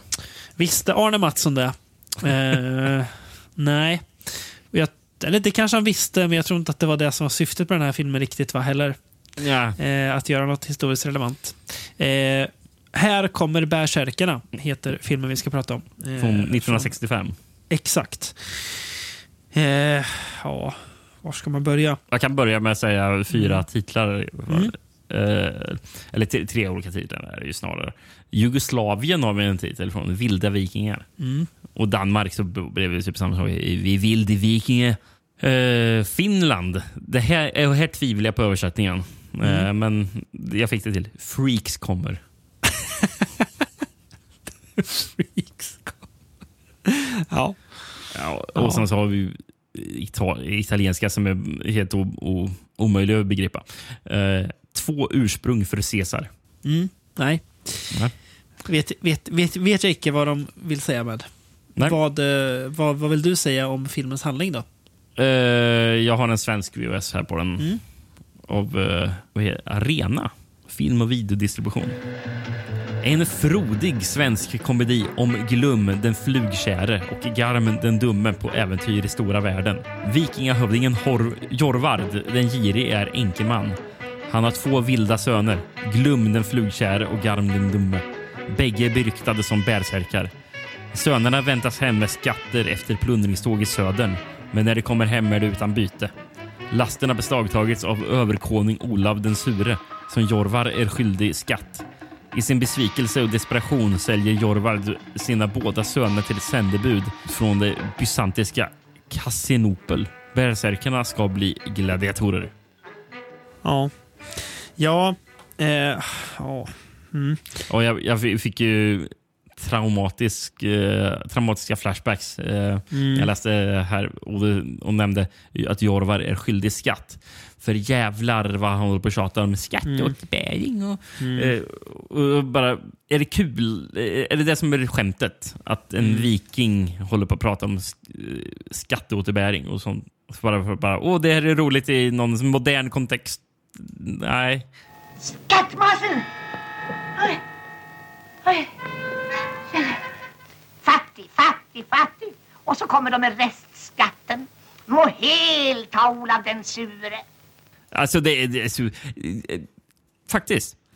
Inte ett enda skämt i hela filmen landade hos mig. Nej, jag, har, jag, Jag skrattar har- inte- jag inte en enda gång. Med. Nej. Och eftersom att här, här har vi ju direkt då filmens extremt stora problem som gör att det blir ren satans jävla dynga, om jag får ut- uttrycka mig så. det, det är en komedi där man då har bestämt att en av Sveriges eh, största eh, humorister på den tiden. då. Carl Gustaf Lindstedt gjorde ju också något bättre ifrån sig sen i Mannen på taket, där han inte är så rolig. Men han var ju me- mest känd för att, att, att vara rolig. Eh, jag, jag, jag, jag, jag, jag trodde du skulle säga att han var mest, mest känd för att spela Ben Walker i, i Död mans spår. Just ja, han också med. Eh, nej, men grejen är att den här filmen, som du säger, inte ett skämt är roligt, filmen är inte rolig. Och när en komedi som också spelar på att vara nästan så här, jag vet inte, buskis farsaktig. Alltså det har åldrats så fruktansvärt dåligt. Det är, det är som du säger, ska det här med skatteåterbäring vara kul? Var det något som var roligt just då? Det är fruktansvärt dassig film alltså. Och ska jag vara helt ärlig, mycket av det du, du sa nu i ha- ha- handlingen uppfattade inte jag när, när, jag såg filmen. För att tog väldigt kort tid för mig att koppla bort vad jag tittade på och gen, genomlida, försöka uppfatta vad de sa. För det är ju eh, han, hette han Jorvar sa du, vikingahövdingen? Ja, spelas av Åke Söderblom.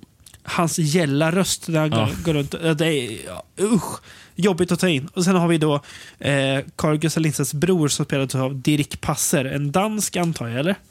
En dansk, precis. Men, men han har en märklig dialekt. Jag trodde inte att han var dansk. För han... Nej. Jag, jag, jag, undrade först, först jag tänkte bara, fan är han balt eller?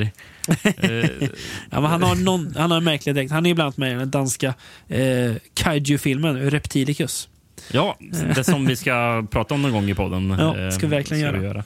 Men sen, alltså just han Dirk Passer, han har ju varit med i en oerhörd mängd danska komedier. En del, och en del verkar ju luta åt att det är sexkomedier. Eh, lyssna på de här titlarna. Bocken i vilda västern. Solsting på badhotellet. Flickan och pressfotografen. Mazurka vals till sjöss. Med trosor i lumpen. Och sen, den, den måste vara extra populär för den fick en uppföljare. Flera trosor i lumpen. Ja, det är så himla mycket gladporrs-aura över de, de där. Och det, och den här, det- just den här titeln jag reagerar på, men det låter inte som en eh, sexkomedi just, men det Nej. låter som en dum komedi. En dum Ja. danskomedi. Lenin, din bondtjuv. Ja. En dum dansk komedi. Ja, och, och, och, och, alla de här, det, är inte att jag översätter dem från danska, utan det är så faktiskt de, så de hette i Sverige. Så jag antar att Ja. alla visades i Sverige också, skulle jag gissa Ja, på. det var väl populärt då. Eh, Sen läste jag någonting. Han måste ju vara omåttligt populär, han Dirk Passer i Danmark ändå. Ja. För det står, står på hans Wikipedia-sida. Passer blev under sin akti- aktiva tid Danmarks mest fotograferade person efter det kungliga. Och Sen så var han med i drygt 135 filmer, varav några var svenska. Och Sen dog han um, av en hjärtinfarkt mitt under en teaterförställning på Tivoli. Oj. Ja, snopet slut. Mm. Ja, nej, jag, jag försöker hitta något så här kul eller positivt att säga om den här filmen, men det... Jag... Nej. Det, Nej, alltså grejen är att det- jag sa, jag att han Dirk Passer har varit med mycket sexkomedier. Och det, den här Ja. filmen känns som en sexkomedi utan sex. ja. Det, det, det roliga är det första jag skrev ner om filmen dock var en positiv kommentar. Mhm. var det jag började när jag skrev. skrev. Men då, det, här, det var ju typ en minut in i filmen. Ja. För, för, för, den, den enda positiva kommentaren jag skrivit är God jazzmusik. Det, det, det, filmen Ja. började med det. Jag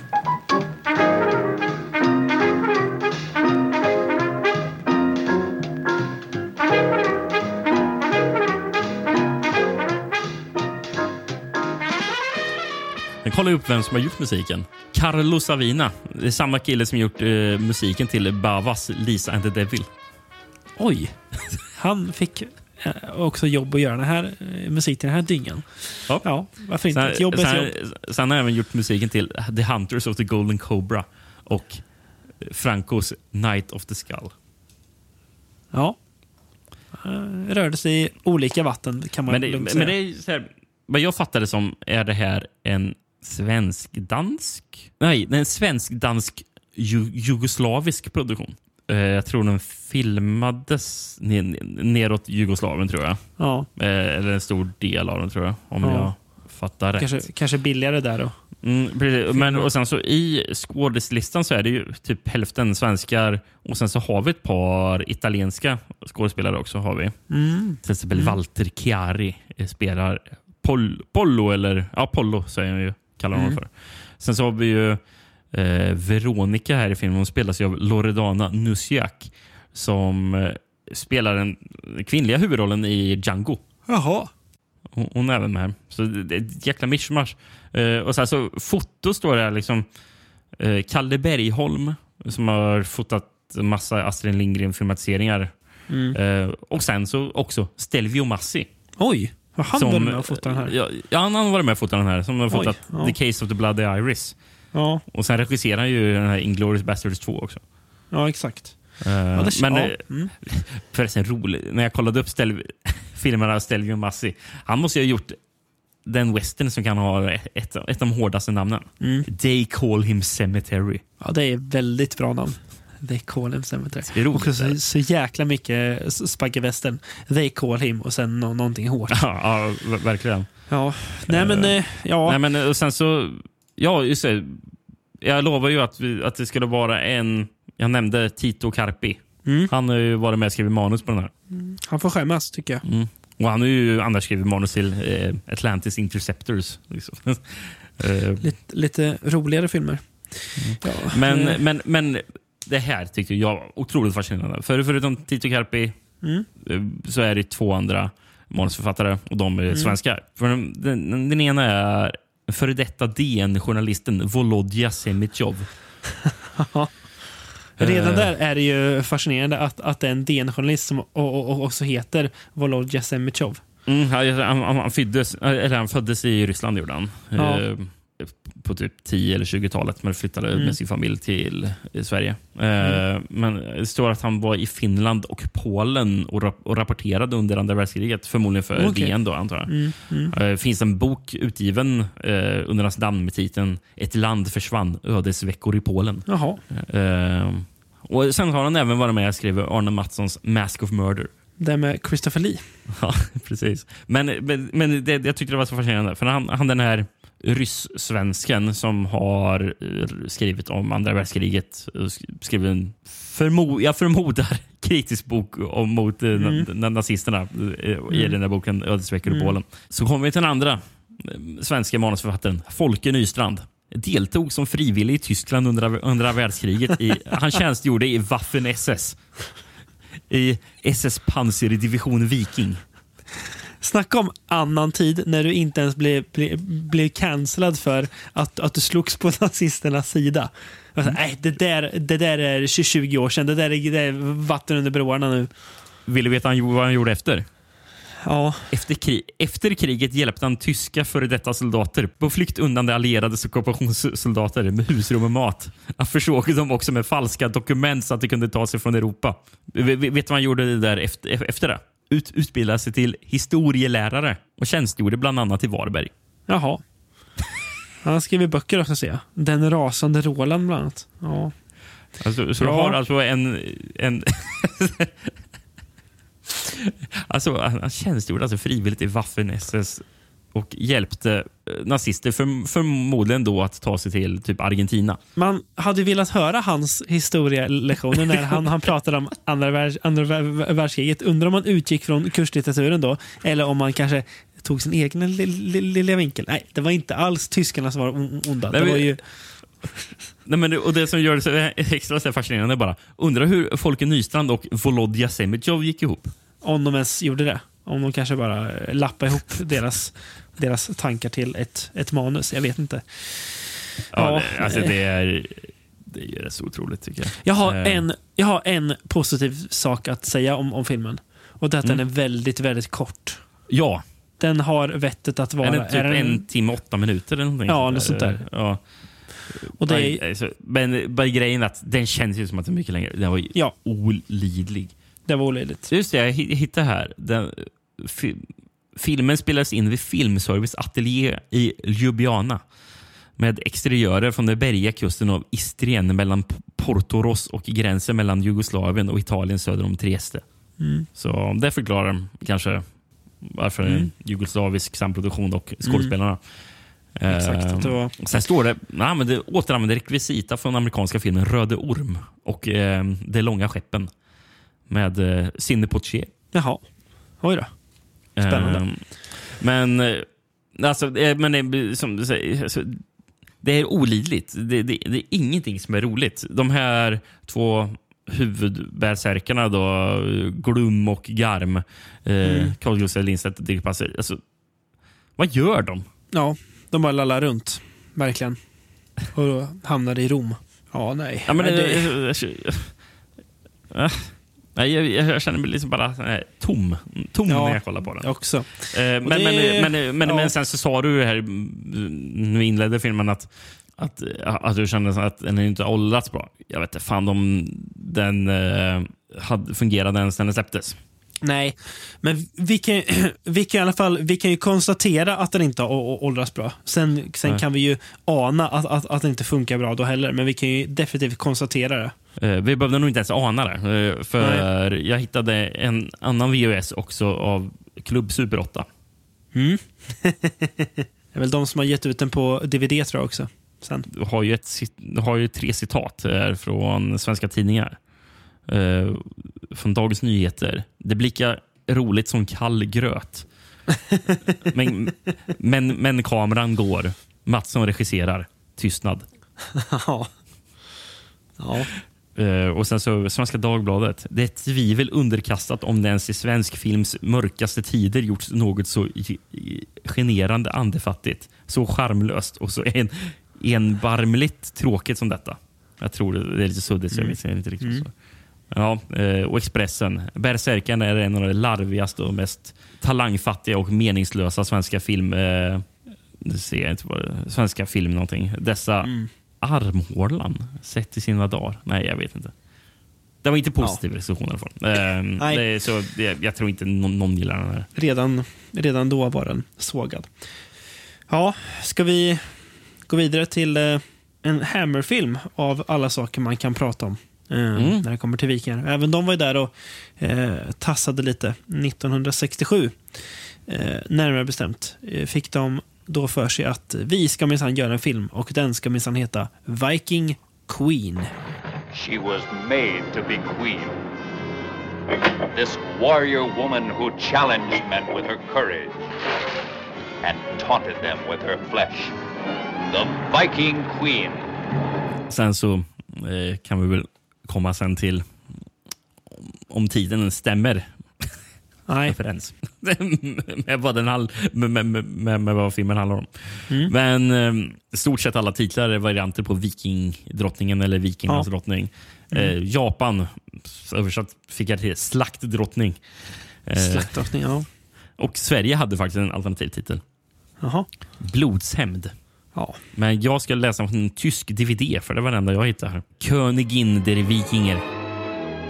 Den keltiska stamhärskarinnan Salima, chef för kungariket Leni, blir kär i den romerska överbefälhavaren Justinian vars väpnade styrka kontrollerar kungarikets frivilliga kapitulation.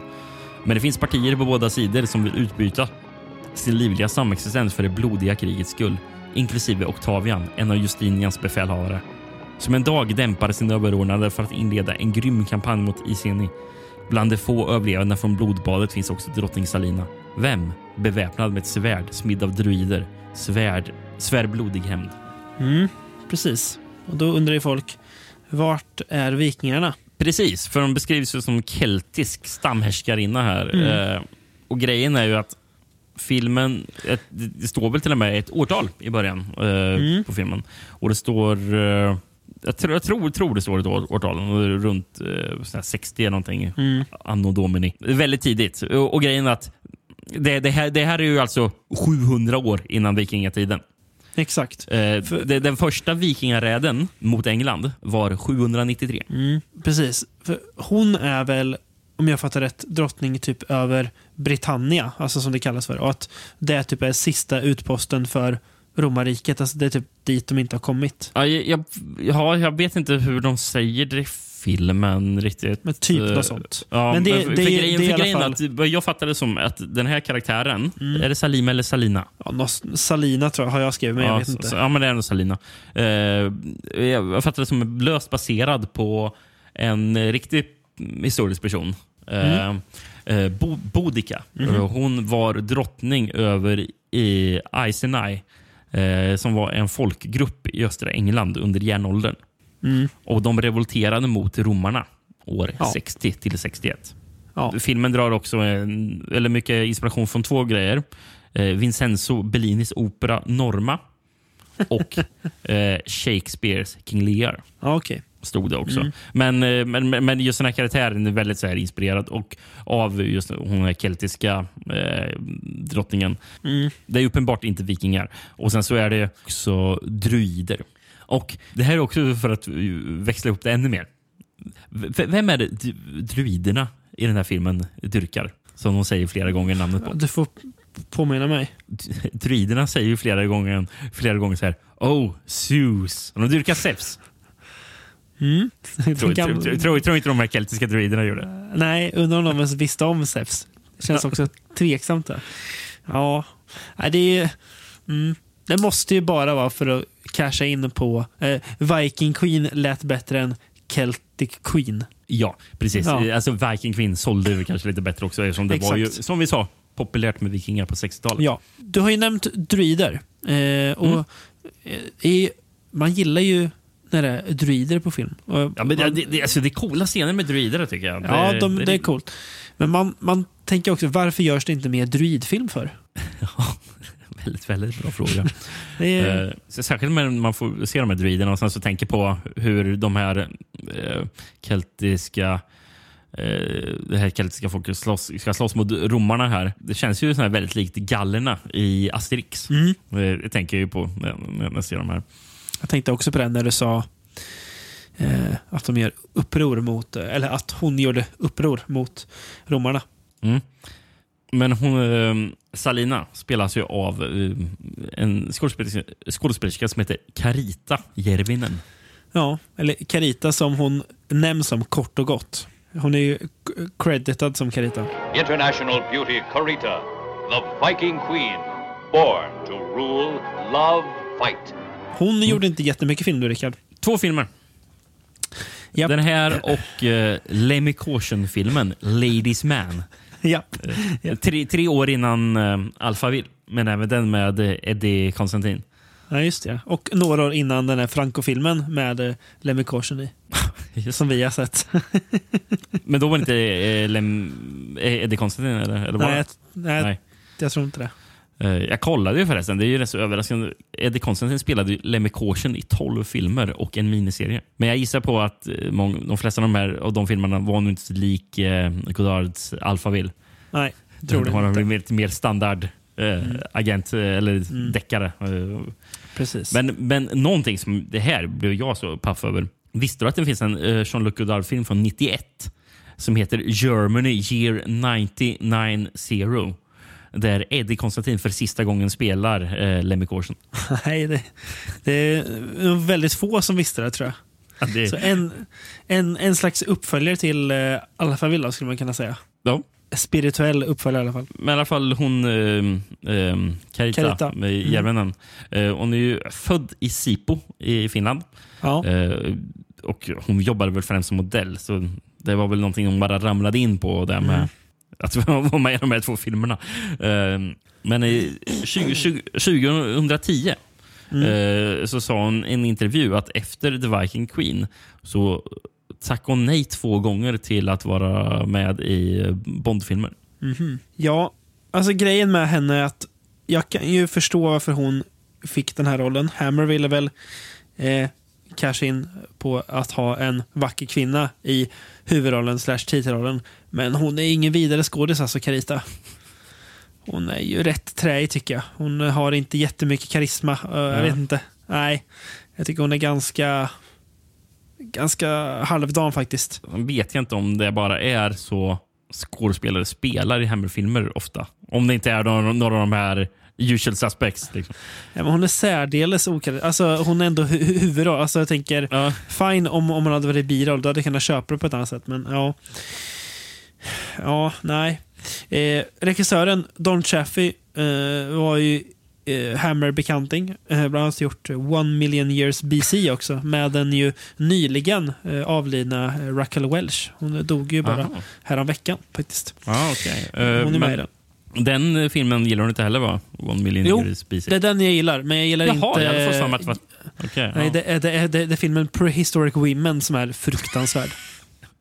det låter inte ens roligt. Nej, den är Eh, riktigt, men- riktigt dålig. Men eh, man får ju säga, Don, du nämnde, sa att Don Chaffee känd från Mm. One million years BC. Främst så är han ju känd för att han har regisserat Jason and the Argonauts. Det hade han gjort Eller också. Det gyllene skinnet.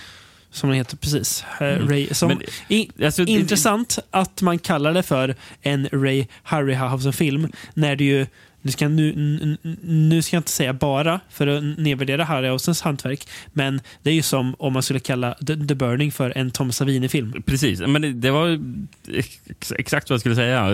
Jag blev, jag blev nästan för, förvånad när jag kollade upp Jason and the Argonauts. Bara, Jaha, jag trodde det var Ray, Ray Harryhausen hade regisserat. Ja. Eftersom man alltid säger Harryhausen-filmen. Liksom, men, men man bara, det nej, det, är- det är ju inte så. Uh, det är kul. Men sen så manus på den här. Ja, Mm. Clark Reynolds då, som man- manusförfattare. Och han har ju två år innan den här eh, skrivit Genghis Khan från 65 där Omar Sharif spelar Genghis Khan. Och Mm. om ni någonsin har sett bilder från den här Omar Sharif ser inte ut att vara mongol. Nej. Eh, men, men har kul rollista. Eli Wallach, Telly Savalas och Woody Strode. Mm, det är bra då. Eh, men också väldigt kul med just um, Genghis Khan från 65.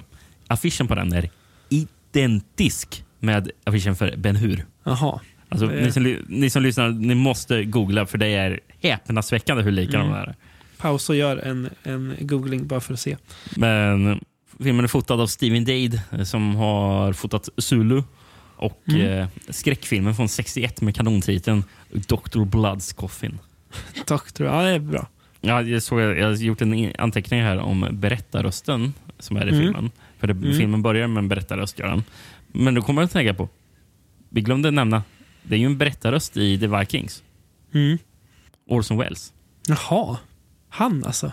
The Vikings in Europe of the 8th and 9th century were dedicated to a pagan god of war, Odin. I den här filmen vet jag inte vem som gör berättarrösten. Men när filmen börjar så tycker jag det låter som att jag tittar på en Mondo. Mm. Det är lite samma det Ja, här. men- ja, men det är så här. This was a land where druid priests held sway Mm. over people's mind. Och då så, tänker jag bara, ja, det är en Mondo-film man ska visa Mm. lite hur, hur det är någon konstig eh, bondby Kultur. i, Ja, exakt. England som fortfarande är druider eller någonting. Mm. det, det, det, det låter verkligen så. Tänk, tänkte du också på i filmen när det, och det, och det, det är ju någon av de här romarna som, eh, eller som jobbar med romarna, som samarbetar Mm. med romarna. Mm. Eh, Som är, han har väl en harem med sig eller någonting. Mm. Eh, Tänk, tänkte du på kvinnan som har blackface? Som, Ja, det gjorde jag. Eller hon har, hon har väl snarare black body för hela hon är liksom Japp. Ja, svartmålad. jag vet. Ja, det tänkte jag. jag tänkte, ja, det där, hon är inte svart egentligen. Nej, det är hon inte. Uh, Hammer generellt jobbade väldigt lite med svarta skådisar. Ja, eh, Eh, det känns som det, va? väldigt vit, eh, vit filmstudio. Apropå romarna förresten. Eh, Mm. Den här Justinian, eh, Mm. som är ja, den manliga huvudrollen kan man väl säga. Mm. Mm. Spelas av en Don Murray. Och jag läste att han spelar karaktären Bushnell, Mullin, eh, Bush, Bushnell Mullins i Twin Peaks The Return. Är det en karaktär du minns? Eh, jag har skrivit upp hans credit, har jag skrivit Twin Peaks säsong 3 och det vet ju folk eh, vad jag tycker om. Så nej, eh, just han kommer jag inte ihåg. Ah, Okej, jag minns inte Eh, karaktären. För det stod att han nej. var med i typ tio avsnitt. Eller någonting. Ja, men du, det, det, det är mycket... Man kan säga mycket om den serien, men man kan inte an- an- anklaga för att, att, att det inte händer mycket spretiga saker i alla fall. Eh, men han är väl någon av alla de här dumma grejerna som dyker upp som inte har något med något att göra. Säkert. ja. Ja. Festligt. Ja, Eh. väldigt festligt. Eh, tyvärr tycker jag inte att den här filmen är så himla festlig. Eh, Jag tycker att den är helt okej. Eh, Mm. Jag tycker inte att det är så illa. Jag, för jag, jag har ju hört dig prata om den här, att du har sett den här tidigare Mm. och inte gillar den. Nej, Och sen, så, och sen såg jag att du såg om den och inte gillar den den här gången heller. nej. För jag tänkte bara, det kommer ju vara torrt och tråkigt. Men Mm. jag tycker det är så trevligt ändå. tycker jag att det är. Jag tycker att jag tycker att slutet i den här filmen är bra. Eh, jag önskar bara att resten av filmen någonstans på ett mer engagerande sätt. Alltså, film, filmen, jag, jag, sa, jag, jag kommer liksom inte in i filmen. Jag, jag eh, nej, vet inte. Eh, slutet tycker jag är bra, för det jag vet inte om det också är byggt på en gammal myt, men där, där får de till det riktigt bra. Och, och lite oväntat också. Eh, Men jag tycker inte att den riktigt bär hela vägen fram dit. Eh, sen är det ju trevligt att kolla på sådär. Eh, finns bitar. Jag tycker inte att den är usel på något vis. Jag tycker bara den är så här, nej, lite axelryckning. Ganska tråkig. Det hade kunnat vara lite mer action för att få upp lite fart, men Precis. jag tycker den Men har ja. sin charm ändå. Ja. Har den. Jo. Jag har sett tråkigare Hammer-filmer än det här. Ja, det, det har jag också gjort. Eh, en av dem är ju Prehistoric Women. Se den så kan vi snacka Hammer Flop. Men här måste ju vara en av rätt så få såna här, såna här historiska Hammer-filmer. Jag vet inte hur många de gjorde eh, inom den här typen av genre. Nej. Nej, för One One Million Year BC och Prehistoric Women är mer bara... Ja, det är inte his- historiskt på, på det sättet att man tar med. Ja, här är lite grott, grottmänniskor. Och en an anledning till oss att Rackle Welch ska springa runt i väldigt lite kläder. Ja, men jag ska se. Vad för jag för mig att det är någon mer de gjorde på den här tiden som... Rasputin the Mad Monk. Ja, men är inte det mer en skräckfilm? Jo, eller? jo, det är ja, det. Ja, Jo. det är det. Eh, men det var någon jag la märke till som jag kände att det passar in. Eller det, det är mer likt just Sword of Sherwood Forest. Det låter ju mer att vara någonting åt det här eh, hållet. Va? Go, go i titel ändå. Ja, och sen, sen har vi den där The, The Pirates of Blood River också. Piratfilm. Ja. Mm. Eh, Jag tror jag kan... Du, vänt, nu ska jag kolla. Jag har ju lite... Jag har ju de här Hammerboxarna. Jag vet jag har, har ju någon av deras så här, historieboxar. Ska vi kolla här? Ska Mm. plocka fram och kika. Här har vi, vet du. Här har vi. ja. Den här boxen är goig och torr. Okej, i den här boxen då, Rickard, har vi bland annat, som du nämnde, The Pirates of Blood River med Mm. eh, Christopher Lee, eh, bland annat. Eh, vi har också The Brigand of Kandahar eh, med Oliver Reed. Eh, ja. Ja. Vi har The Scarlet Blade med Oliver Reed också. Mm. Ser lite god ut också. Någon riddarfigur. Ja, den, den, den la jag märke till också när jag kollade. eh, Eller jag kände- igen affischen där. Eh, Sen har vi filmen Visa to Canton. Som verkar vara, jag antar att det är någon, Kin, är de i Kina eller? Vad? Ja, jag vet ja, ska, verkar vara kalla krig, sig under kalla kriget. Den är gjord 1960. Så att, ja, det, det var inte det, riktigt samma. ju, men- det sticker ju ut. Ja, i den här boxen också. Det- Och att det Eh. gjordes en film om kalla kriget under kalla kriget. Ja, någonting som också sticker ut är att det finns en ehm, film från 58 som heter The Steel eh, Bayonet. Mm. Som utspelar sig 43 i Tunisien. Eh, Krigs, eh, krigs, krigsdrama. Som, ha- som Hammer har gjort alltså? Ja, väldigt icke-Hammer. Jaha. Ja. Hammer Film Production står det. Mm, Ja. Bara som produktionsbolag på den. Ja. Ja, eh, men Ska vi- vi, ska vi gå vidare kanske? ja, till en annan gammal bekanting som det var länge sedan vi pratade om i den här podden. Charles B. Pierce. Yes, geni, mannen, myten, legenden, geniet, autören. Charles B. Pierce. Eh, mest känd ifrån Beyond-kretsar för Boggy Creek, va? Mm, ja, precis. Och eh, The Town That Dread the Sundown är väl han också. Ja, precis. Där de säger vilken stad utspelar sig den, den är, Rickard. Nu måste du säga det som de säger i filmen. Dex Arcana. är, det så de säger eller? Ja, Texarkana. Så jävla mörk och ra- rasslig god röst. Texarkana. Texarkana. Ja, eh, The Norseman heter den här filmen. Eh, från 1978.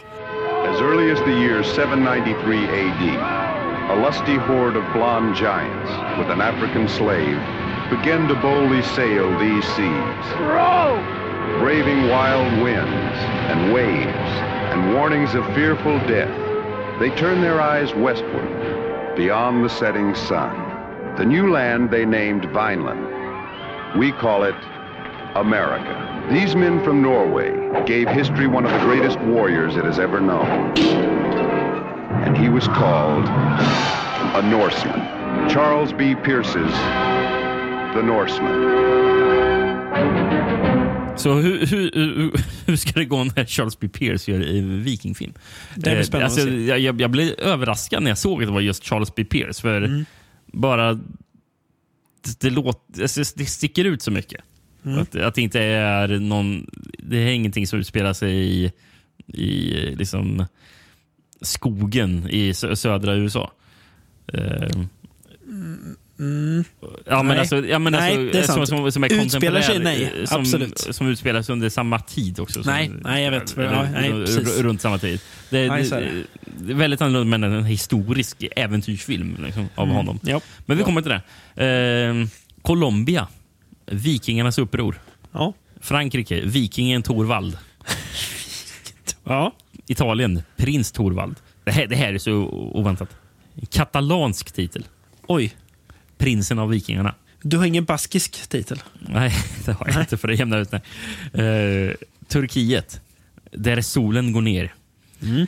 Grekland, Nordens jätte. Ungern, mördarvikingen. Finland, Norseman, kung av barbarerna. Mm. Det var ändå bra. Tyskland, norrmännen in i ansiktet på falken. Och no norrmännen också. Ja. Ja. Och sist var det bara vik vikingarnas hämnd. Skäms.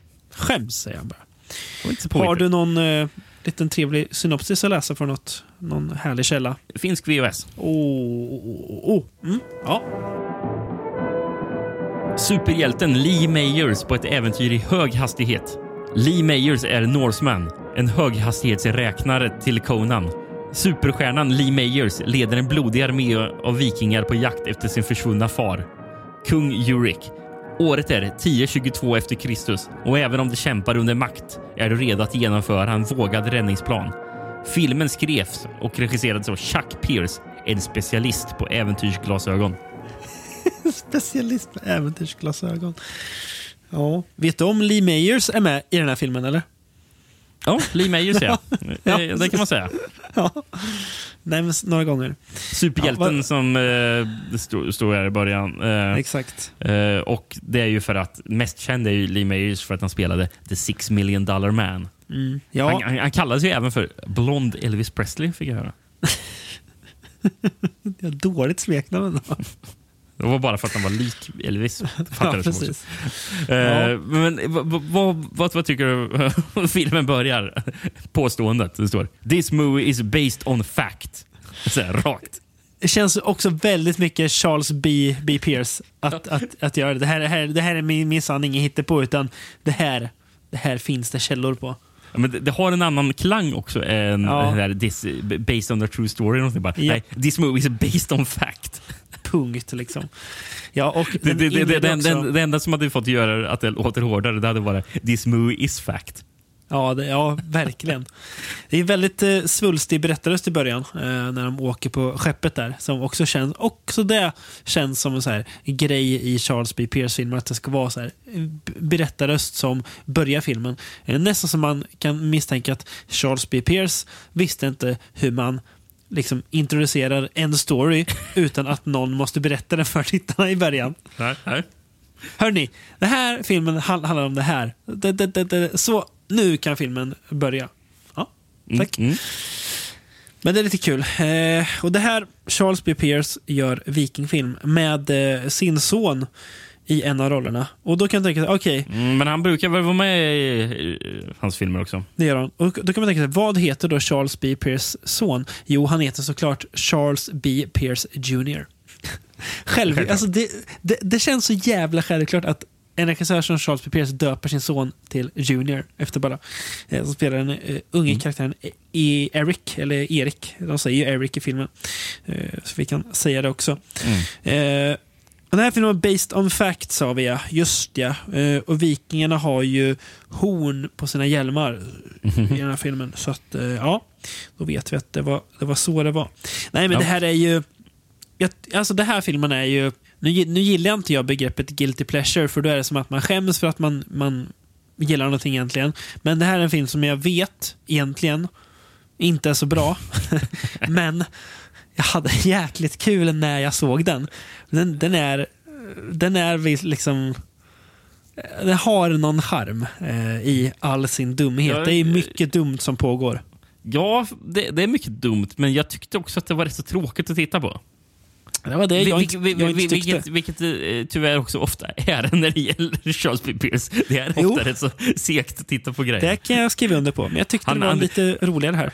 Han har ju inte bemästrat eh, tempo, karln. Nej, det, det, får man, det kan man väl inte anklaga honom för. Eh, men en, en av de här roliga sakerna i filmen eh, det är att de ska alltså vara vikingar eh, från norr som då drar vidare. Filmen är ju uppenbart inspelad i Charles Peirce hem, hemtrakter. Eh, för det ser ju inte ett. Ja, den, är ju, in- den är filmad i Florida faktiskt. Ja, men det är ju inte, jag tänker det är inte jättelångt if- ifrån liksom, eh, träskmarkerna och det där. Alltså det är ändå eh, am, am, amerikanska sydkusten. Eh, att de pratar med southern drawl, alla eh, vikingar. Man hör att ja, det är ju kul. Praise be to our God Odin. For we have found the new land of the West. To Odin! Kul att Lee Majors går ju runt och ser ut mer ut som han är ju klädd som en typ så romersk legionär snarare än en vi, vi, viking i den här filmen. Han, Ja, ja. Om, om man visar mig en bild på honom, så här, vad, vad tror du han spelar för karaktär? Ska jag säga, ja, men han är väl med så här, om så här, romersk gladiator eller någonting, alltså, eller romersk soldat. Och jag tycker att han är lite lik, inte Elvis Presley, jag tycker han är lite lik Will Ferrell i den här filmen. Ja, det fan, finns någonting i det. Det finns någonting i den här filmen som ser han lite ut som Will Ferrell. Och då blir det att det blir liksom en liten krydda på det här, allt det här dumma som pågår. Ja, men det, det, gör, det gör också lite roligt att jag, att, att jag ser det. Så det är kul att de, de har med sig en trollkarl också på resan. Eh, som mest går runt under en kåpa och gör lite märkliga miner och pratar om Är mystiska det, saker. är det han som kallas för Death Dreamer? Ja, exakt. Eh, Av, eh, som spelas av Jack Elam. Eh, Western-skådisen. Mm. Ehm, som faktiskt som är med i Creature from Black Lake. Som vi har Mm. pratat om. I samma avsnitt som Legend of Boggy Creek. Också en Charles B. Pierce-rulle, eller? Nej, inte Creature from Black Lake va? Nej, Jag tror det är någon inte. annan. Ja, för Creature from Black Lake gjordes av Joy N. Hoke Jr. Också bra namn. Joy Ja. and Hoke Jr. Ja, precis. Death Dreamer, ja. Eh, Sen så har vi ju faktiskt med, med de vikingarna har vi också eh, King Uric som spelas av Mel Ferrer. Mm. Eh, som otroligt nog är med i båda Eaten Alive. det är, inte, och det är inte, inte många som är där. Både Nej. Toby Hoopers och Umberto Lensis. Nej, precis. Precis. Eh, men, och sen så har vi med Ragnar som spelas av Cornel Wild. Mm. Eh, och det, spännande, Cornel Wild, att han är med i den här filmen. För det är ju Mm. faktiskt han som skrev, producerade och regisserade No Blade of Grass. Jaha. Mm. Att han är med som skådis, Mm. som viking. Eh, Gud, gud, vad, gud vad Ragnar förresten må- måste vara det go-to-namnet för vikingar. för liksom, Tor- Torvald och Ragnar. Ja, och, Torvald och, sen och har, Ragnar. och sen har vi ju mm, här, han är väl lite sån här muskelman, eh, Christopher Con Connolly. Han är ju Mm. med i, eh, han jag tror han har varit med lite barbarfilm och sen så har vi faktiskt Mm. mm. överste, Ra- överste Radek i Strike Commando. Eh, Mm. Men för han spelar ju Rolf. Ja, också bra namn. Eh, Men, men jag fattade det som att det var eh, att de hade typ lite amerikansk fotbollsspelare som var med som statister i filmen. och sånt. Eh, Mm. Alltså, mycket locals från eh, där nere i Florida. Det kan jag också tänka mig att eh, så var det nog. För filmen kan inte kosta jättemycket pengar och, och gjort heller. Det här tror jag är typ dyraste filmen som eh, han, eh, B. Pierce gjorde. För Ja. den här är ju faktiskt en samproduktion med eh, AIP. Ja, okej. Mm. Eh, Fick han ändå lite mer backning kanske då? Ja, men det står någonting om att ja, för Lee Majors fick i alla fall en lön på 500 000 dollar. Ja, då så. Ja, men då är det ändå... Det känns ju som Måste- att bara den lönen är mer än vad vanlig Charles Ja, Pierce film kostar. Liksom. Mm. Och sen skulle han få 10% av vinsterna också, plus på-lönen. Jag tror han var med som producent. Jag tror att Lee Mayers kanske drog, fixade in AIP på det här projektet, om jag fattar rätt. Ja, ja, men här, har vi det här också om fotbollsspelarna. För han har sagt I had a little time off and they said it shoots in Florida on the coast there out of Tampa. And they had a bunch of Tampa Bay Buccaneers that were gonna play Vikings. So I don't know. I thought it'd be fun so I did it. Så himla så här, ja, kan, kan väl göra. Ja. Verkligen. Eh, jag läste att han fast senare sagt, låter lite mer kritiskt om, eh, om resultatet. Sen. There is no character to develop. There is no character to develop here and hardly any dialogue. This is a formula film. Är det eh, Lee Major som har sagt det? Eller? Ja. Ja. ja. Formula film, just det. det låter hårt. Hår- Svidande kritik. Ehm, Visste du att låten Midnight Train to Georgia är inspirerad eh, på, av Lee Majors och hans eh, dåvarande flickvän Farrah Fawcetts förhållande? nej. Eh, Det var att, jag tror att Lee Mayers eller Fawcett skulle ta ett Midnight Plane till Houston, Midnight Plane till, till Houston. Och då så låtskrivaren eh, Jim Wedley fick han en idé. Bara, fan. Kan vi skriva om lite så det låter, låter lite bättre? Midnight Train to Georgia. Det är en eh, b- bättre titel än Midnight Plane to Houston. Ja, det är Räcker det. med bilder. He's leaving, leaving on that midnight train to. På tal om färdmedel. Eh, jag måste kommentera vikingaskeppet i den här filmen. Som de åker runt med. Mm, var det det de råkade typ förstöra? Det kanske det var. På? Eh, Det jag tänker på det är att de ska alltså åkt att det sjönk eller något, att de råkade sänka det eller någonting. Oj, ja, det kan jag nästan tänka mig, för det ser inte så eh, stabilt ut. För dels så ser det verkligen inte nog stabilt ut för att de då ska ha tagit sig över Atlanten. För filmen ska ju utspela sig i att, att, att, att, att de kommer till Amerika. Eh, ingen någonsin har, har åkt över Atlanten i ett sånt där skepp. Och två, det finns ju flera scener där vi ser att de är på liksom ett däck under.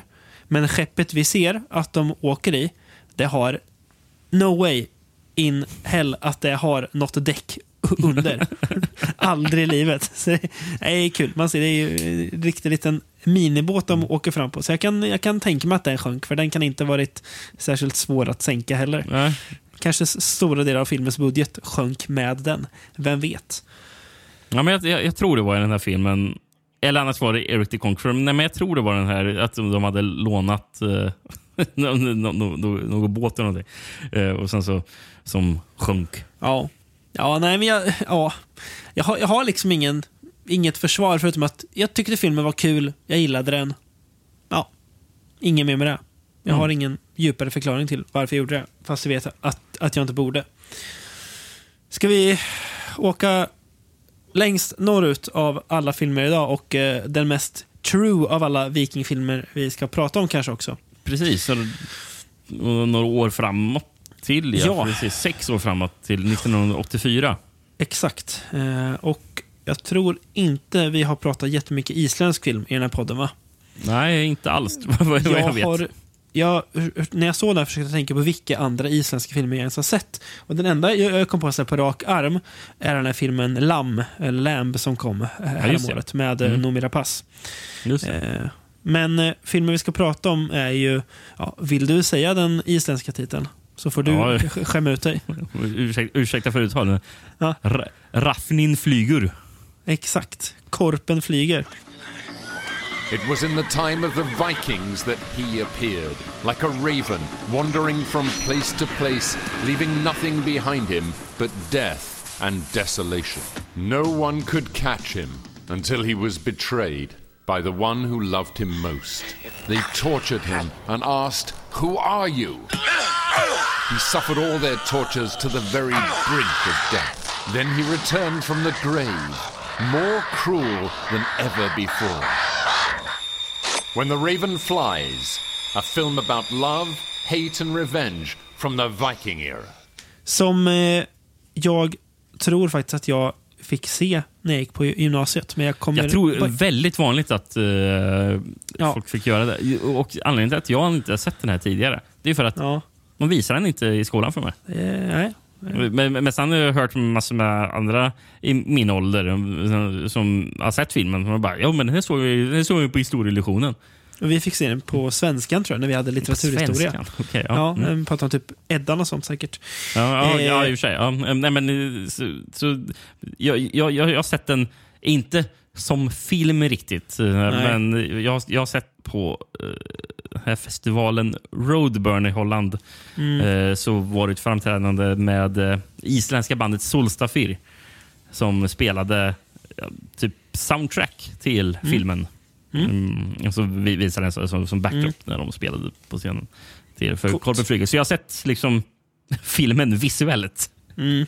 men inte med, med ljud från filmen. Nej, precis. Eh, det enda jag, jag jag minns från förstod filmen, lite mer den här gången. Ja, det förstår jag. Det enda jag minns från filmen, det var ju det som blev en catchphrase sen i Sverige. Tungor knivor, eller Exakt. tungor knivor. Tungor Eh, knivor. Ja, är det enda jag kommer ihåg. För, för det har jag ju hört långt innan jag har sett fi- filmen. Þungur hnífur. Þessi hnífur á að vera þungur. Men kul att det blev en, en, en, en, en liksom grej. Det visste jag inte, men det stod som trivia. Eh, ja, vad har den för alternativa titlar Rickard? Förutom Eh, Korpen flyger. Kanada, Mystik bland vikingarna. Mm. Italien, Barbarernas hämnd. Mycket hämnd. Ja. Frankrike, Imperial, krigsguden. Ja. Ja. Spanien, Öga för öga. Mm, Ganska bra titel. Mm. Och nu kommer det två stycken västtyska och en östtysk. Mm. får du välja vilket som är bäst av de tre. Västtysk, Det förlorade imperiet. Västtysk, Håkan Barbaren. Ja. Är, är det en karaktär som heter Håkan? Jag, jag, ser tror ingen. Nej, jag Jag ser ingen i rollistan som heter det. Det är helt otroligt. Eh, sen så östtysk. Odens korp. Ja, det är Den östtysken. Ja, den ju. Den är ju. Den är ju bra på riktigt faktiskt. Odens korp, den är bra. Mm. Jag hade ju hoppats på att jag skulle hitta en isländsk VHS och översätta. Men det gjorde jag Eller, faktiskt inte. eller läsa på isländska. Ja, precis. Det hade varit ett, ett, ett Eh, projekt. Men jag till den näst bästa där. Det blev ju faktiskt en svensk VHS. Jag Mm. lyckades hitta på den här. Det är ju faktiskt en isländsk-svensk. Samproduktion. För i, i uppförandet till den så är det väl typ, det, då, då spelar väl Reine Brynolfsson huvudrollen tror jag. Jaså? Ja, Okej. spelar han, eh, den heter väl I korpens skugga tror jag. Ja, Eh, precis. tvåan. Det kom ju den och sen kom det... Ja, Den vite från 88. vikingen. Den vite vikingen från 91, ja. Exakt. Ja. ja, kör på med din svenska VHS. När Gäst var barn på Irland kom Erik och Tor i spetsen för norska vikingar och mördade hans föräldrar, brände ner hans hem och rövade med sig hans syster. Erik och Tor flyr från den norske kungen och bosätter sig på Island. Tor tar Gästs syster till slavinna och när de får barn med honom gifter han sig med henne. Efter 20 år kommer Gäst till Island för att hämnas. Hans syster säljs nu mellan sin bror och mannen som är far till hennes älskade son. Vill hon följa Gäst efter så lång tid vill hennes son det. Nej men precis, vi följa äh, gäst och ska ju hämnas. Eh, han kommer till Island eh, med hämnd i sinne helt enkelt. Och det här är väl, eh, jag, jag, jag vet inte hur, men intressanta. När jag, när jag såg den här filmen så hade jag i dagarna också suttit och planerat lektionsmaterial. eh, när jag ska undervisa om medeltiden, om de isländska sagorna. Ska du föra vidare traditionen och visa Korpen flyger på lektion? Eller? Jag kanske ska göra det ändå. Det var en- ändå lite gött. Nej, men att, eh, att motivet i de isländska sagorna ofta var hämnd. Mm. Eh, så det är inte jättekonstigt att den här filmen eh, handlar om det. Den är väl, är den byggd på eh, några isländska sagor eller har Jag, den? jag tror den drar mycket inspiration från det. Ja, precis. Ja, byggd kanske var fel, men precis. Eh, vet du vad? Vet, vill du höra någonting jätteplatt? Du har säkert också läst där. Men platt, IM, platt IMDB-trivia. Mm. Det är så jävla här. Att det här är bandet Amon Amarts favoritfilm. så jävla dåligt det. Alltså, det kan det absolut vara. Ja, men det är Ja, men- inte riktigt trivia som himla så här IMDb. Nej, precis. Det är platt. Det är, så, det är så självklart också. Bara, Ja, ja. Ja, det är det. Det är det. Mer intressant är ju att eh, han regissören, Raffn Gun, Gunnlaugsson, eh, han säger ju, sa ju när, han, när filmen kom, eh, re- redan då berättade han ju att han var inspirerad av eh, eh, Sergio Leone. Jaha. Mm. Det var en väldigt... eh, Så det är lite vikingavästern då? Kan man, alltså, eller ja, det var lite där kanske... Vikingavästern och sen så var inspirerad av Kurosawa. Den har ju Ja. lite sån här Yojimbo Mm. eh, koppling också. liksom. Eh, så det var, det var, det var han, vad han ville göra. Mm. Fast i en Inga- nordisk eh, tolkning. Inga dåliga Eh. inspirationskällor där inte. Nej, jag läste till och med ett, ett, ett citat här. Mm. Eh, som, från Raffen Gunnlaugsson. Eh, när han pratade om eh, Leone. Mm. Då sa han så här. Denna hade i allmänhet inga bra historier, men han berättade dem på ett jävla bra sätt. Så att man rycks med. Han kunde tekniken. Vad är då tekniken? Det är att kunna fängsla, gärna med jesuitiska medel. Därefter kommer ansvaret att ha något att berätta. Jag vet inte riktigt vad han menar. medel, Men, men, men, Det är ju och han vann ju faktiskt Guldbagge för bästa regi med den här filmen. Ja. Ju kul att han heter Raffn i förnamn, som väl måste betyda korp då, an, antar jag. Ja, det Ja. lär det ju vara faktiskt. Ja. Mm. Mm. Det tänkte jag inte ens på. Men, Det, det, det är li- lite kul. Eh, men mm. eh, f- filmen? Ja, Nej, jag, jag, tänkte- du ville, du, du ville höra lite, lite, lite tankar om den? Ja. Nej, men det, här, är- det här sticker ut lite grann, för det här är ju mer, mer av ett eh, hämnddrama kan man nästan säga. Eh, Mm. en, eller det är ju det. Det är mer drama, det är mer allvar, mer liksom eh, tyngd så kan man säga än i de an, a, andra filmerna. Den är inte särskilt svängig, inte särskilt rolig, inte det mest särskilt svängiga, färg, det mest svängiga med filmen är ju typ musiken. Ja, det är, ju- det, det är coolt soundtrack. Det är mycket, mycket så röster som bara gör oh, ah, ja, alltså ljud som så säger saker. Ja. I, i, början var jag lite så här tveksam till soundtracket för det var så Mm. väldigt så här, stämde inte in med vad filmen skulle vara. Nej. för det är mycket så här synt eh, och, sånt Ja, där som bara... det är också. okej. Eh, Men eh, efter ett tag så värmde jag värmdes upp för det. Mm. Gillar det. Men Mm. Hans-Erik Filip heter han som har gjort musiken. Islänning eller?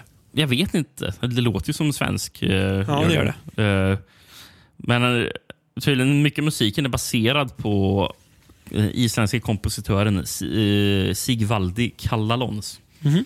Som var död långt innan filmen. Mm, jag tror han mm, dog på mm. 30-talet någonting, om jag fattar rätt. Men eh, till exempel är en, en populär isländsk melodi som heter Asprengisandi. Som Mm. hörs flera gånger. Det är väl typ main theme eh, Mm. i filmen. Mm. Eh, Jag kan ju spela upp eh, för lyssnarna för att höra vilken sk- skillnad det är. Men man, man hör ändå att det är samma. Eh, Mm. För jag börjar med eh, musiken från filmen här.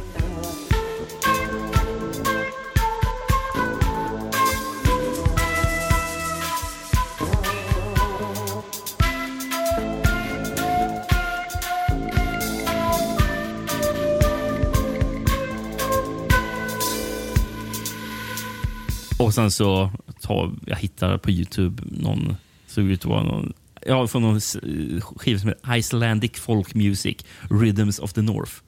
Det får ni göra.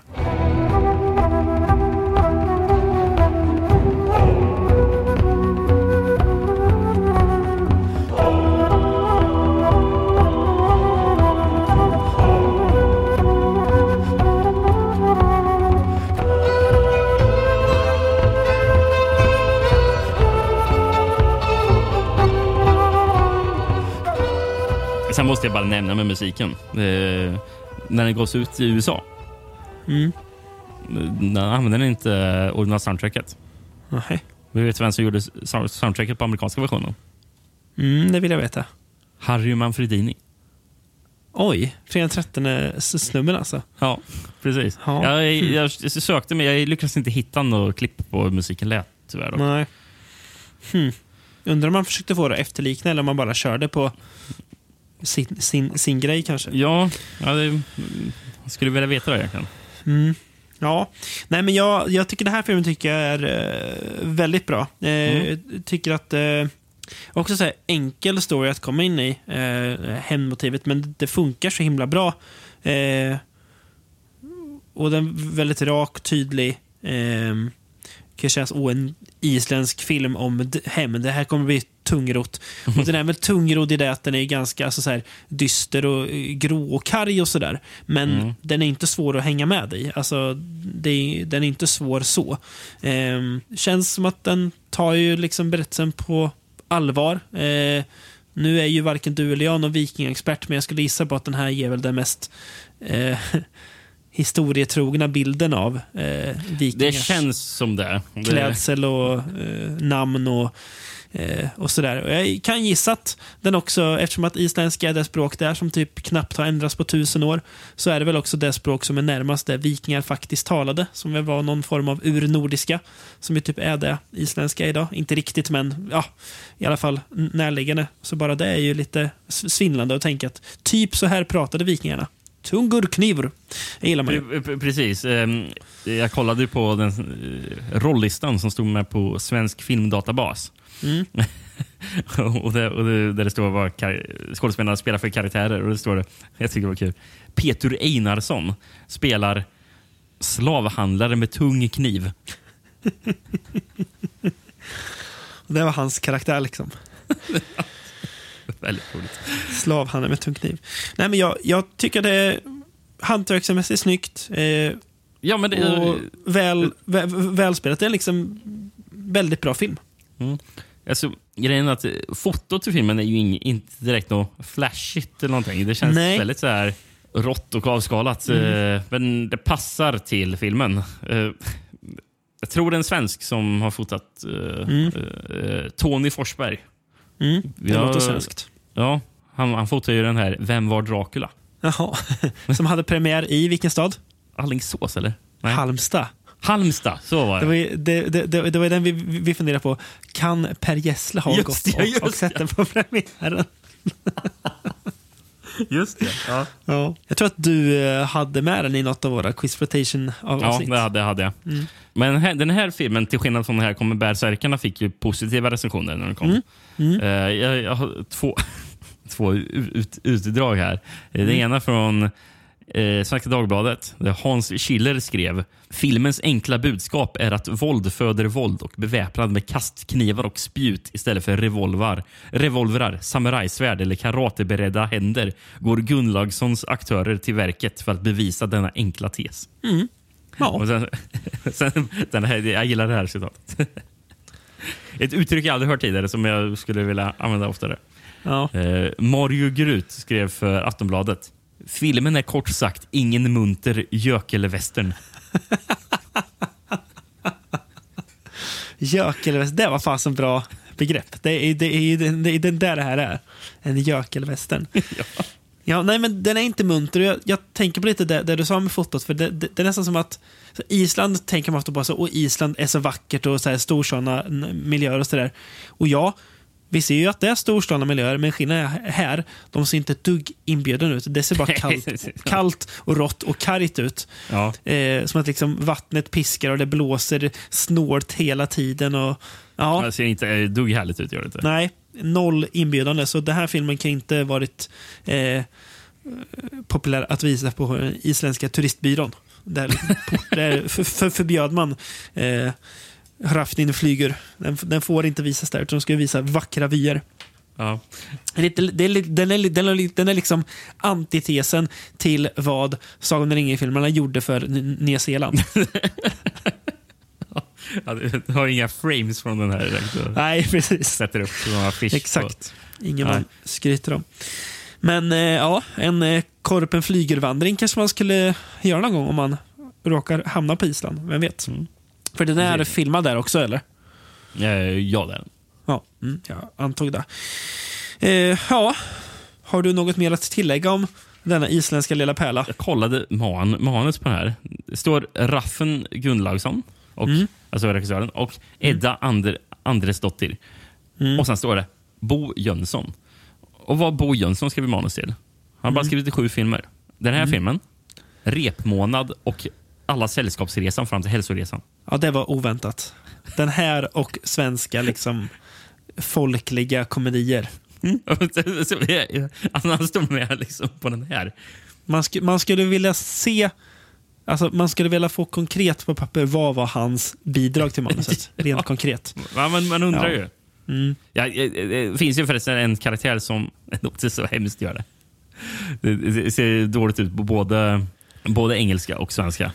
Mm. Det är han Thrain Karlsson, eller vad man ska uttala det där konstiga D-tecknet. Sen Mm. är det ett F, F va, tror jag. Ja. For, Frein, Ja, eh, eh, Mm. tror jag. Men eh, ja, han spelar ju kort och gott Olaf, barnälskaren. Det låter eh, inte som något man Nej. vill bli kallad för. Nej, Nej, precis. Och på IMDB står det Olaf the child lover. nej det blev inte bättre. dåligt, gör det. Det blev inte bättre. Inte ett dugg bättre. Nej. Men eh, ja, nej, men Vikingar på film, Rickard. Mer smak eller vad säger du? Ja, eh, det inte får man ju. avsmak i alla fall. Nej, jag känner dock mig inte jättesugen på att se en sjunde vikingfilm nu ikväll. Nej. Är- eh, Men Man blir lite mätt också.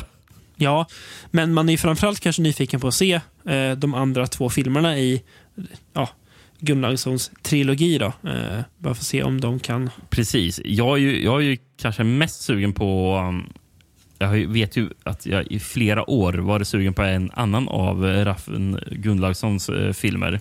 Mm. Som, jag vet inte, måste vara en bootleg. Eh, Mm. Den affischen jag har sett på den. Då jag reagerar på- För det, det finns ju en film från 86 ja, som Mm. egentligen på svenska heter eh, Bödeln och skökan. Just ja. Mm. Eh, Det, det är hans film alltså? Ja, det är det. Jaha, eh, intressant. Mm. Utspelar sig på 1700-talet, men roligt Mm. nog, Den DVDn som jag har sett, Mm. heter den Middle Ages Now. Eh, Låter också som en komedi. ja, och ro, roligt är att det, det har alltså exakt samma typsnitt som Apocalypse Now. Ja, dumt. Och sen är det eh, Per Oscarsson på häst som eh, ser ut som eh, han, ser, han ser ut som Witchfinder General typ. Mhm. Den, den har vi pratat om länge att vi ska se. Och vi har väl den i något a- avsnitt också planerat att... eh, Kjell Bergqvist är ju med den också. Det är ju bara idel bra namn ju. Och Sune Mangs. Och Torsten Flink, Flink, Torsten Flink är med den. Jaha. Ja. Ja. Eh, Men, men, men, men, det är roligt. På den här bo- bootleg-DVD som vi får förmoda att det är. Så Mm. också Most authentic film ever on the middle ages. Mm. Och sen står det Like a Rembrandt painting coming to life. Beautiful, cruel, thrilling, astonishingly, astonishingly intimate. Ja, nu, nu fastnar jag på den här filmen, Rickard. Nu, nu, nu ska jag läsa lite roll... In, i- innan vi avrundar så, så ska lyssnarna få, som avslutning så ska lyssnarna få eh, rolllistan och karaktärerna till Böden och Sjökan. Då. Ja. Mm, det, här, det, här är, det här är bra. Det här är, det här är bra content. Okej. så jag läser först namn på skådisen och sen deras roll. Mm. Som det står på IMDB. Niklas Ek. Bödeln. Dessförinnan smed. Kjell Bergqvist. Per. Kopplare och fjärdingsman. Kjell Tovle. Rackarn. Bödens medhjälpare. Kent Andersson. Gamle Böden. Kim Andersson och Monica Ring. Sjöka. Björn Gedda. Gastande bödel från Västerås.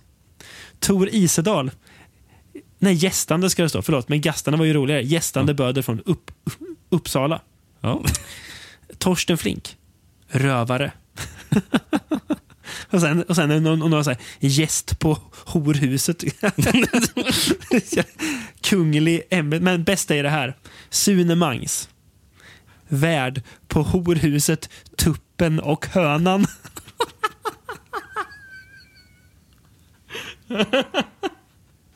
och sist men inte minst, vet du vad Per Oscarsson spelar? Nej. Fogden. Fogden. Ja, det är riktigt bra. Riktigt bra. Ja. Snacka om att hamna lite off topic, men den är man sjukt sugen på. Men vi kan väl avrunda det med att locka om att den filmen kommer någon gång. Och eh, vi blev sugna på att se Gunnlaugssons övriga filmer för att se vad han kan hitta på där. Mm. Så tackar vi för att ni har lyssnat. Eh, och eh, vi tänker inte avrunda med Amanda Mart, för så platta ska inte vi vara i alla fall.